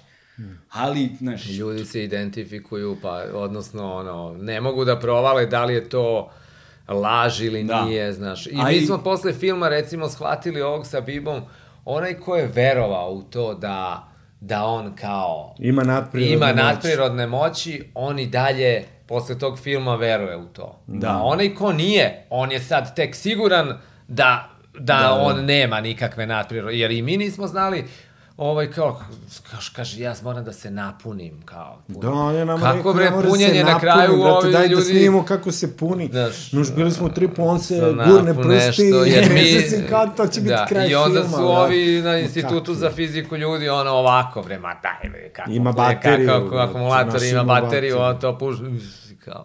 Da se napuni čovek. Da, tako da, znaš, ali to je zato nauka, odnosno ti neki odgovori, prosto ih treba predstaviti, ono, da ljudi to vide, mislim, kao i za te, ono... Da, i tu je sad problem medijskog formata, recimo, za koje sam ja radio i tako dalje, što sad, znaš, postoji ta neka vrsta, ono, e, od ovoga ćemo da napravimo zezanje i sad tu uvek u tom zezanju postoji određena doza senzacionalizma sa kojom ja negde nisam okej. Okay.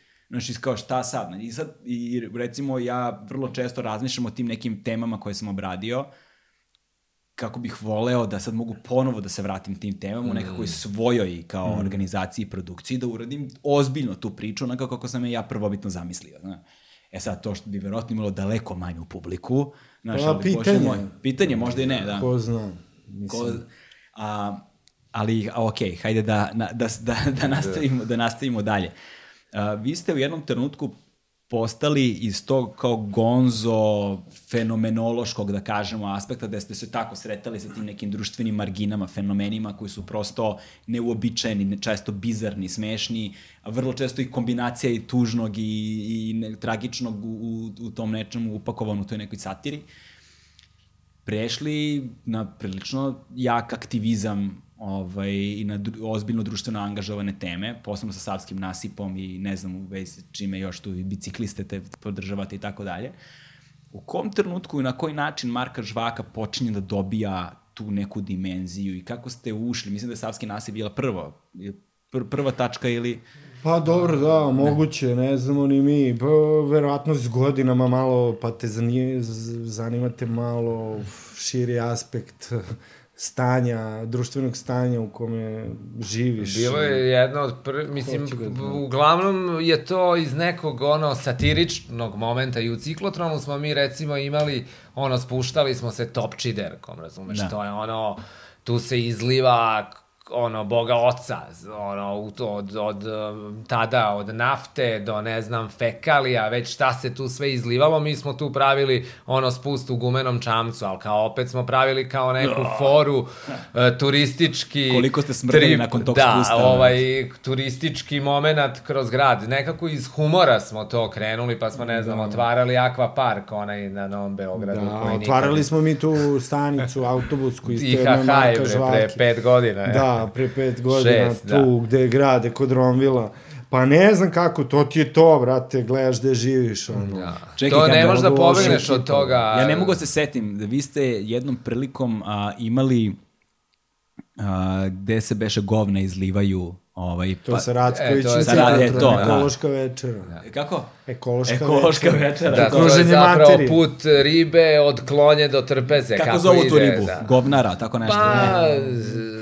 Ne, ne, organski Organski, proizvod organski. sa beogradskih reka. I vi ste, da, zapravo ima deo gde se izliva kanalizacija. Ono, Da, to Da, sad da. ko, tu su digli ovaj Beograd na vodi. To je Između tačno kod ostalog, onog da. njihovog izložbenog štanda, to je to je onaj restoran Savanova, tu Tad izlaze se govna. pecalo tu 2000... A tu i dalje izlaze govna. Da, Pa, šta misliš? tu je veliki taj kolektor, to kad ove velike slance urade, onda to treba da A otvore. i ovamo ceo potez na Dunavu isto, mislim, od huje... I vi ste zapravo, hva- tu, tu se pecala riba, govnara, mislim, Znači Pa- ovako, ti odeš na svoju šolju, uradiš šta imaš da uradiš, onda to lepo tu uleti u Savu, a tu peca ekipa, riba oće na govna, i onda oni pecaju tu ribu, onda tu ribu prodaju ovim splavovima, onda ti odeš tamo opet jedeš i zatvoriš krug kretanja. I to je, mi smo nosili na, na analizu tu ribu, rekla nam je žena da je sve okej, okay, prosto. Možete Može- malo više metala, ali to je u Malo granicama. više olova, kaže, ali to je, U granicama, granica. normale, nije sad ništa. tako da je ta riba zapravo stvarno okej. Ma da. Okej.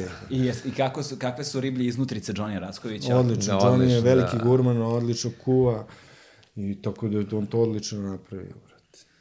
I a, koja je sada faza a, vaše, ono, sa, sa Savskim šetalištem, dakle, šta se A, sada Savski- dešava? Savski nasip. Šta- Pardon, Savski nasip, da. Savski nasip, ja delim te ideje, ali nisam aktivno uključen u, u rad te neformalne grupe.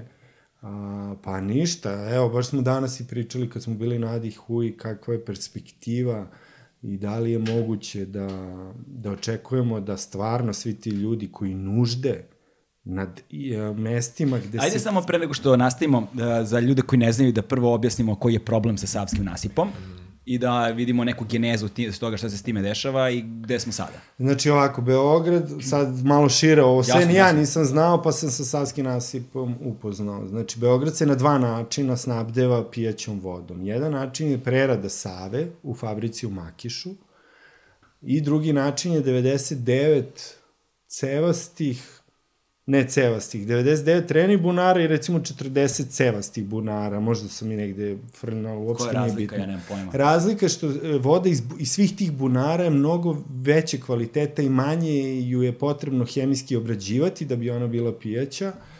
I znači ti svi reni bunari su duž Save. I uglavnom, a, znači šta se dešava, pre 20 godina nije ničega bilo iza bloka 45, to je znači blok 45, Sećam se, kraj da. blokova pa dalje ka Ostružnici. I onda su krenuli prvo stiljivo po neki taj, neka sojenica levo-desno da bi danas to sve bilo popunjeno ne do Ostružničkog, nego i, do da, nego i nadalje.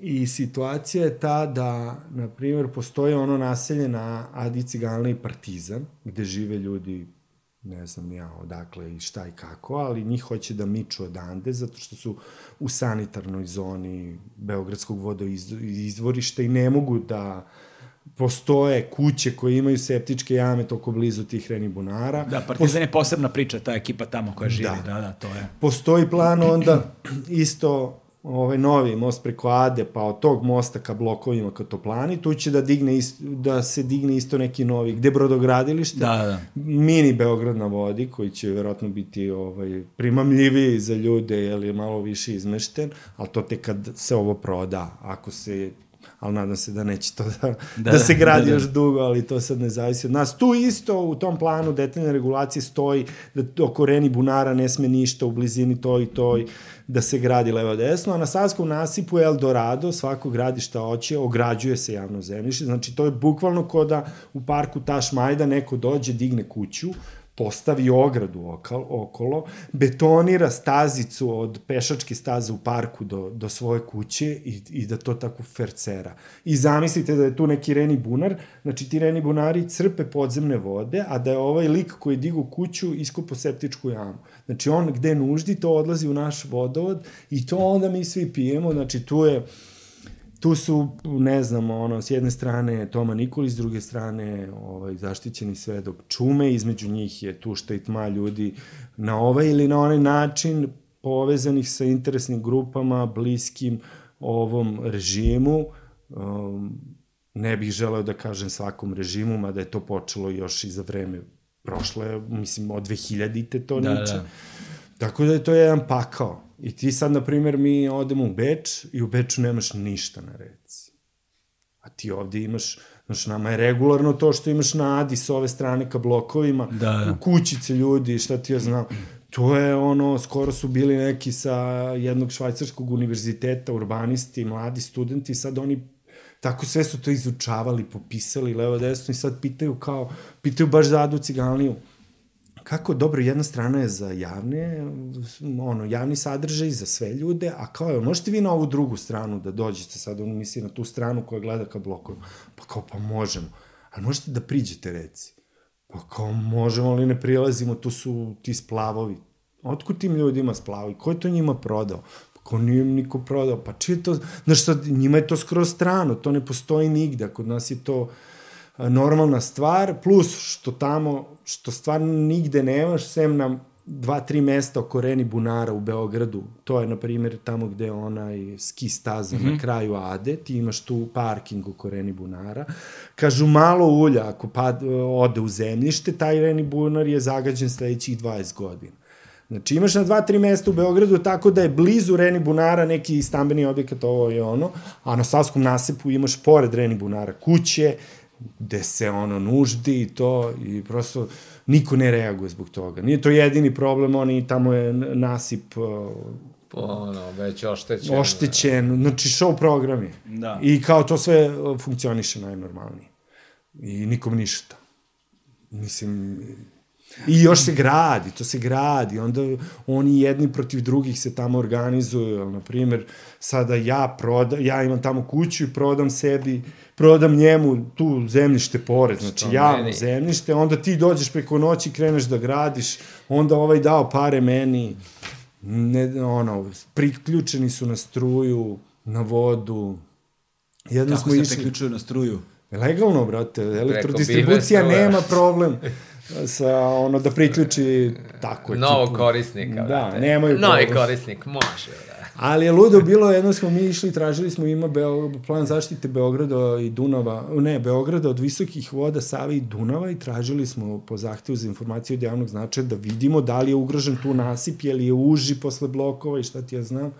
I nije sve okay, ali su nam rekli ne možemo to da vam damo, nego morate da dođete kod nas u Beograd vode. Tada su bile Beograd vode da vidite i nas trojica smo otišli i mi sad to gledamo i pričamo s dva inspektora koji bi trebalo da su tamo i da regulišu to i da vide.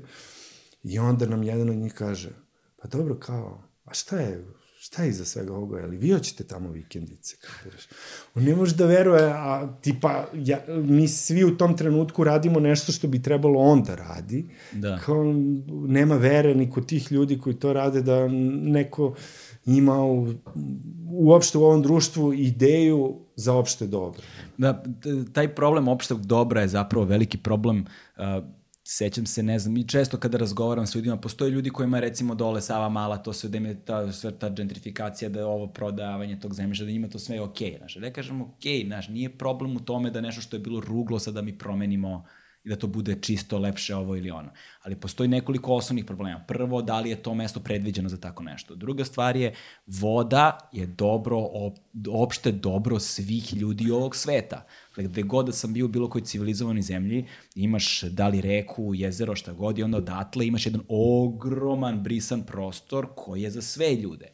Svako može da priđe vodi, da li su tu livade, Ne, i u parkovi. Beogradu na vodi. parkovi, nešto, da. Ne u Beogradu na vodi, tamo ne može svako, to je privatan posed, tamo se kreće obezbeđenje, upravo migrante teraju odande, tome sam prisustvovao, znači to je privatan posed i ćao, to moramo da to je budemo osnovni- svesni da je. To je osnovni problem. Dakle, ti Jedan od- oduzimaš reke od građana ovog grada. To je prva i osnovna stvar. Druga stvar je, čak i u nekim aspektima da ne oduzimaš, ti postavljaš ekosistem, ta, tamo, ono, ekonomski ekosistem takav da je on nepristupačan ljudima koji nisu ultra bogati. Mislim, u, u jednom trenutku će to apsolutno biti tako. Ukoliko nemaš ne znam koliko para u džepu, ti tu nemaš šta da tražiš. Da, neće te pustiti. Oni mogu da postave kapije sutra, mislim, tamo. Da. To sve može, to sve što je tamo. Ili mogu da izgrade jedan hipodrom i- i da je to to. Da. Znači, uopšte ne mora tamo ništa da se uradi, a može, mislim, tamo može sve i ne mora ništa i ne važe zakoni i ustava ove države. Da. Mislim, zar, kako je to moguće da, da je Mislim iko da, u ovoj zemlji mislim da ljudi zapravo kod nas i ne razumeju baš najbolje šta su njihova prava i da ne razumeju u potpunosti da postoji ta jedna snaga udruživanja koja može da reši barem ako ništa problem u tvojoj lokalnoj zajednici. Da, meni je zapravo ono što je, meni je, kako da kažem, poražavajuće, jer čini mi se da nisu ni zainteresovani. Pa da, Mislim da je to, e, ne znam kako je došlo do toga, da jednostavno ljudi nisu zainteresovani. Ne Znaš kako, ali ga. postoji nešto čudno u svemu tome. Ja sam duže vreme, dakle, ja sam s Voždovca, jel te? I ovaj, Voždovac je, nažalost, jedina opština na teritoriji Beograda koja nema nijednu kulturnu ustanovu. Znači, na Voždovcu nema pozorište, na Voždovcu nema bioskopa, na Voždovcu nema nikakve galerije, na Voždovcu ono, nema ničega. Znači, taj bioskop što je bio, koji je simbol Voždovca, jeste bioskop Voždovac, on tu zvri prazan od kod 97. godine, mislim da je on zatvoren ili tako nešto, i to je bio ovaj Todorić ili šta već, to je trebalo ideja valjda da se digne, mm. pa je onda ceo onaj skandal sa njime bio i to je sad neka parcela koja je u vlasništvu nekog, nemam pojma. Ko je već, da. Ne, da, nešto što je sestrinski ovako onako povezano, Da, da, povezano, je povezano sa njima Kupio bioskope od njega i ne znam i šta, go, šta da. god daje. Ovaj, I ja sam imao ideju, ne znam, svoje vremeno, kao, brate, daj da uđemo mi u taj bioskop Voždovac i da, znaš, ga vratimo nazad Voždovčanima, da, Znaš, za, Nešto, zašto bi, da. da. kao, zašto, znaš, šta ako mi ne želimo da tu bude, ne znam, kladionica ili ne želimo da tu bude novi nekakav ovaj, supermarket, kao, znaš, zašto ne bismo želeli da tu bude nekakav kulturni centar, nekakvo zborno mesto, znaš, kao klinci su nam na ulici, ono, jer bukvalno nemaju gde da budu fizički i na tom voždovcu nema nigde ničega, a čudan je taj voždovac, znaš, kao nemamo ništa, ali ga ne damo nikome i ono, volimo da. ga naši, ali, na, ali nema ničega zaista na njemu. I, ali, i sada postoji veliki broj praznih prostora, tih javnih prostora, koji su da li pod stečajem, da li ovako, da li onako, koji se ne koriste, gde bi moglo, recimo, da se uđe i da niko te ni, ništa ne pita. Ali, s druge strane, mislim da je simbolika ulaska u opštinu, u, ovaj, u bioskop Voždovac, zato što bi baš odjeknuo u javnosti, I sad kao mi smo razmišljali da pravimo tu neku anketu po kraju, jer postoje emocije koje su direktno u vezi sa tim mestom. To u korovu propalo, to tako stoji već de, dve decenije, s jedne strane, i s druge strane, kada smo kao nekakvu, ono, ne znam, mini anketu radili, ljudi bi strašno volili da tu nešto bude. I kada kažeš ljudima, je sad će se tu dići, ne znam, ideja ili, ili Maxi ili, ne znam, uh, Lili. ili šta god da je, da, ljudi su, ljudi su fazonu, ne, užas, da, ali kao sad je korov, obraslu korov, nema ničega, i postoji neko žarište, postoji kao nekakav simbol da tu su ljudi, imaju neki odnos prema tome, ali ne postoji kritična tačka koja će, koja će da ih okupi nekako fizički da se tu nešto desi. I bili su tu neki štandovi, delili se neki leci, testiralo se to kao zainteresovanost ljudi, dolazili neke televizije snimaju nešto i to je tako tiho prošlo, nezapaženo. Ovaj, I ne znam šta je potrebno da se desi, da se ljudi okupe i da kažu ovo je naše, hoćemo ovde da budemo, hoćemo da nam, evo, deca tu ble, hajde mi da to Pa da se razvije ta svest. Ja mislim da nema te svesti dovoljno razvijene, da je balon o kome ti pričaš ljudi ili balon Da. ljudi koji se kreću po društvenim mrežama suviše mali u odnosu na ukupnu populaciju i da je masa ljudi M nezainteresovano što smo, na primer, mi kad smo za taj savski nasip delili neke letke kod opštine Novi Beograd, pa hvatali ljude koji tu čekaju bus da idu u grad, a gađali smo baš ujutru nešto oko pola 8-8 da vatamo. Ti vidiš, ono, mi smo im još u startu ono govorili da, da bi im stavili do znanja da nismo frizerski salon ili nešto, saznajte kako Aleksandar Šapić, pošto i on ništa ne radi oko toga, isto je populista čovek, ono, mm -hmm. samo gleda svoj čar.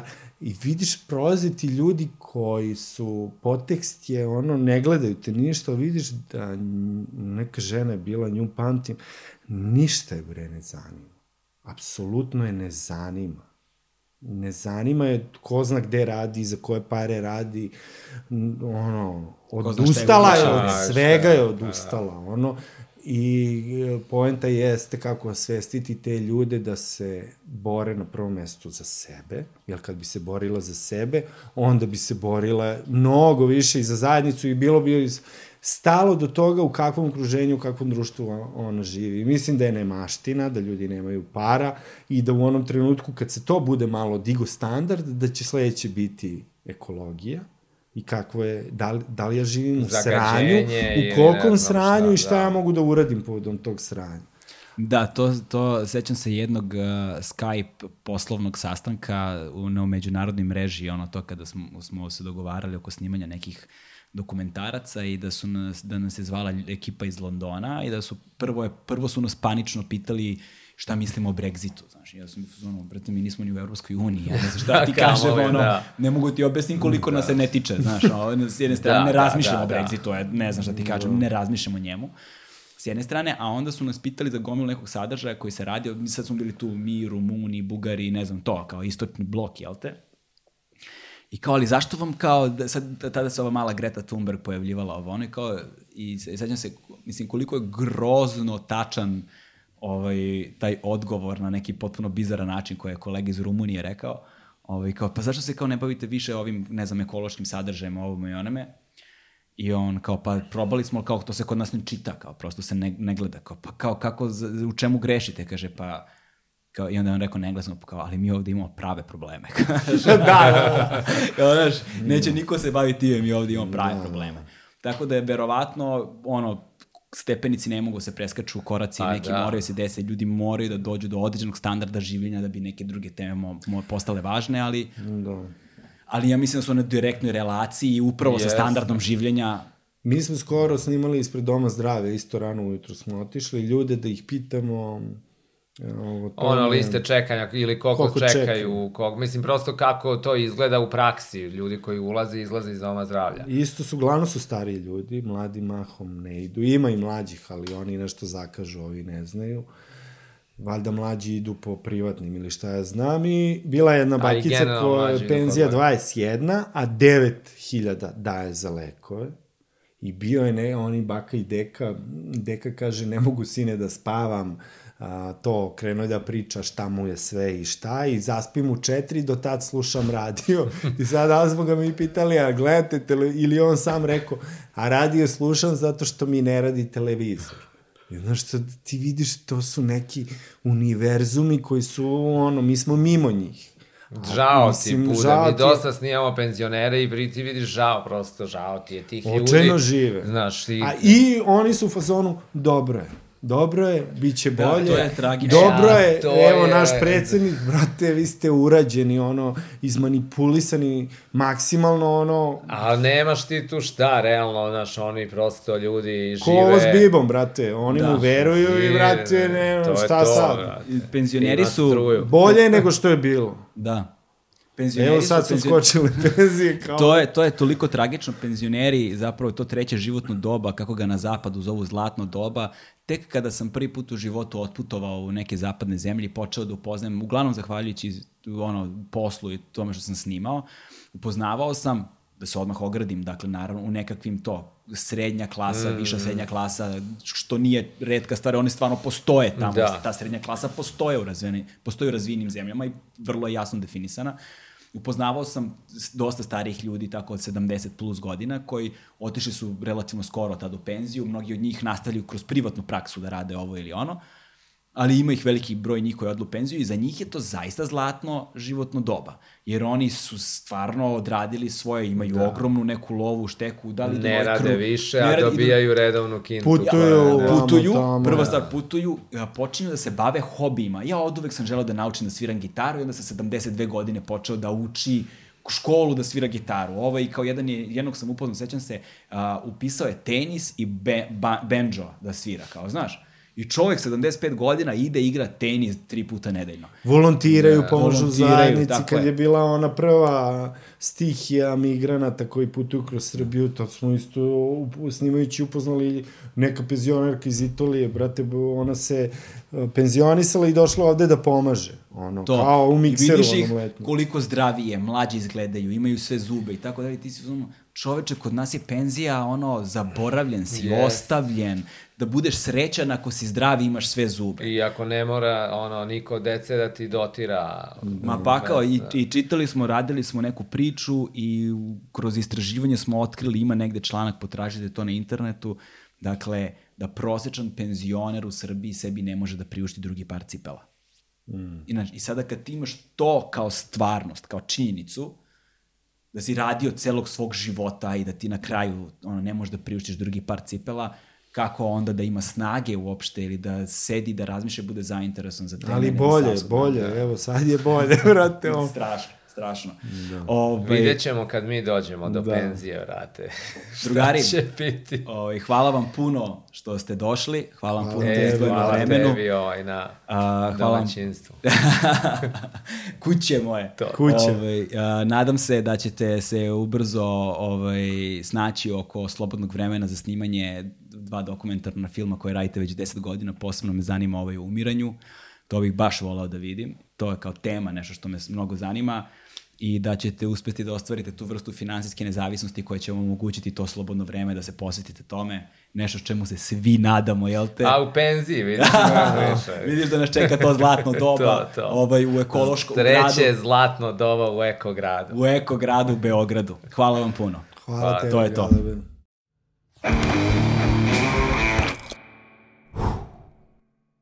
Hmm.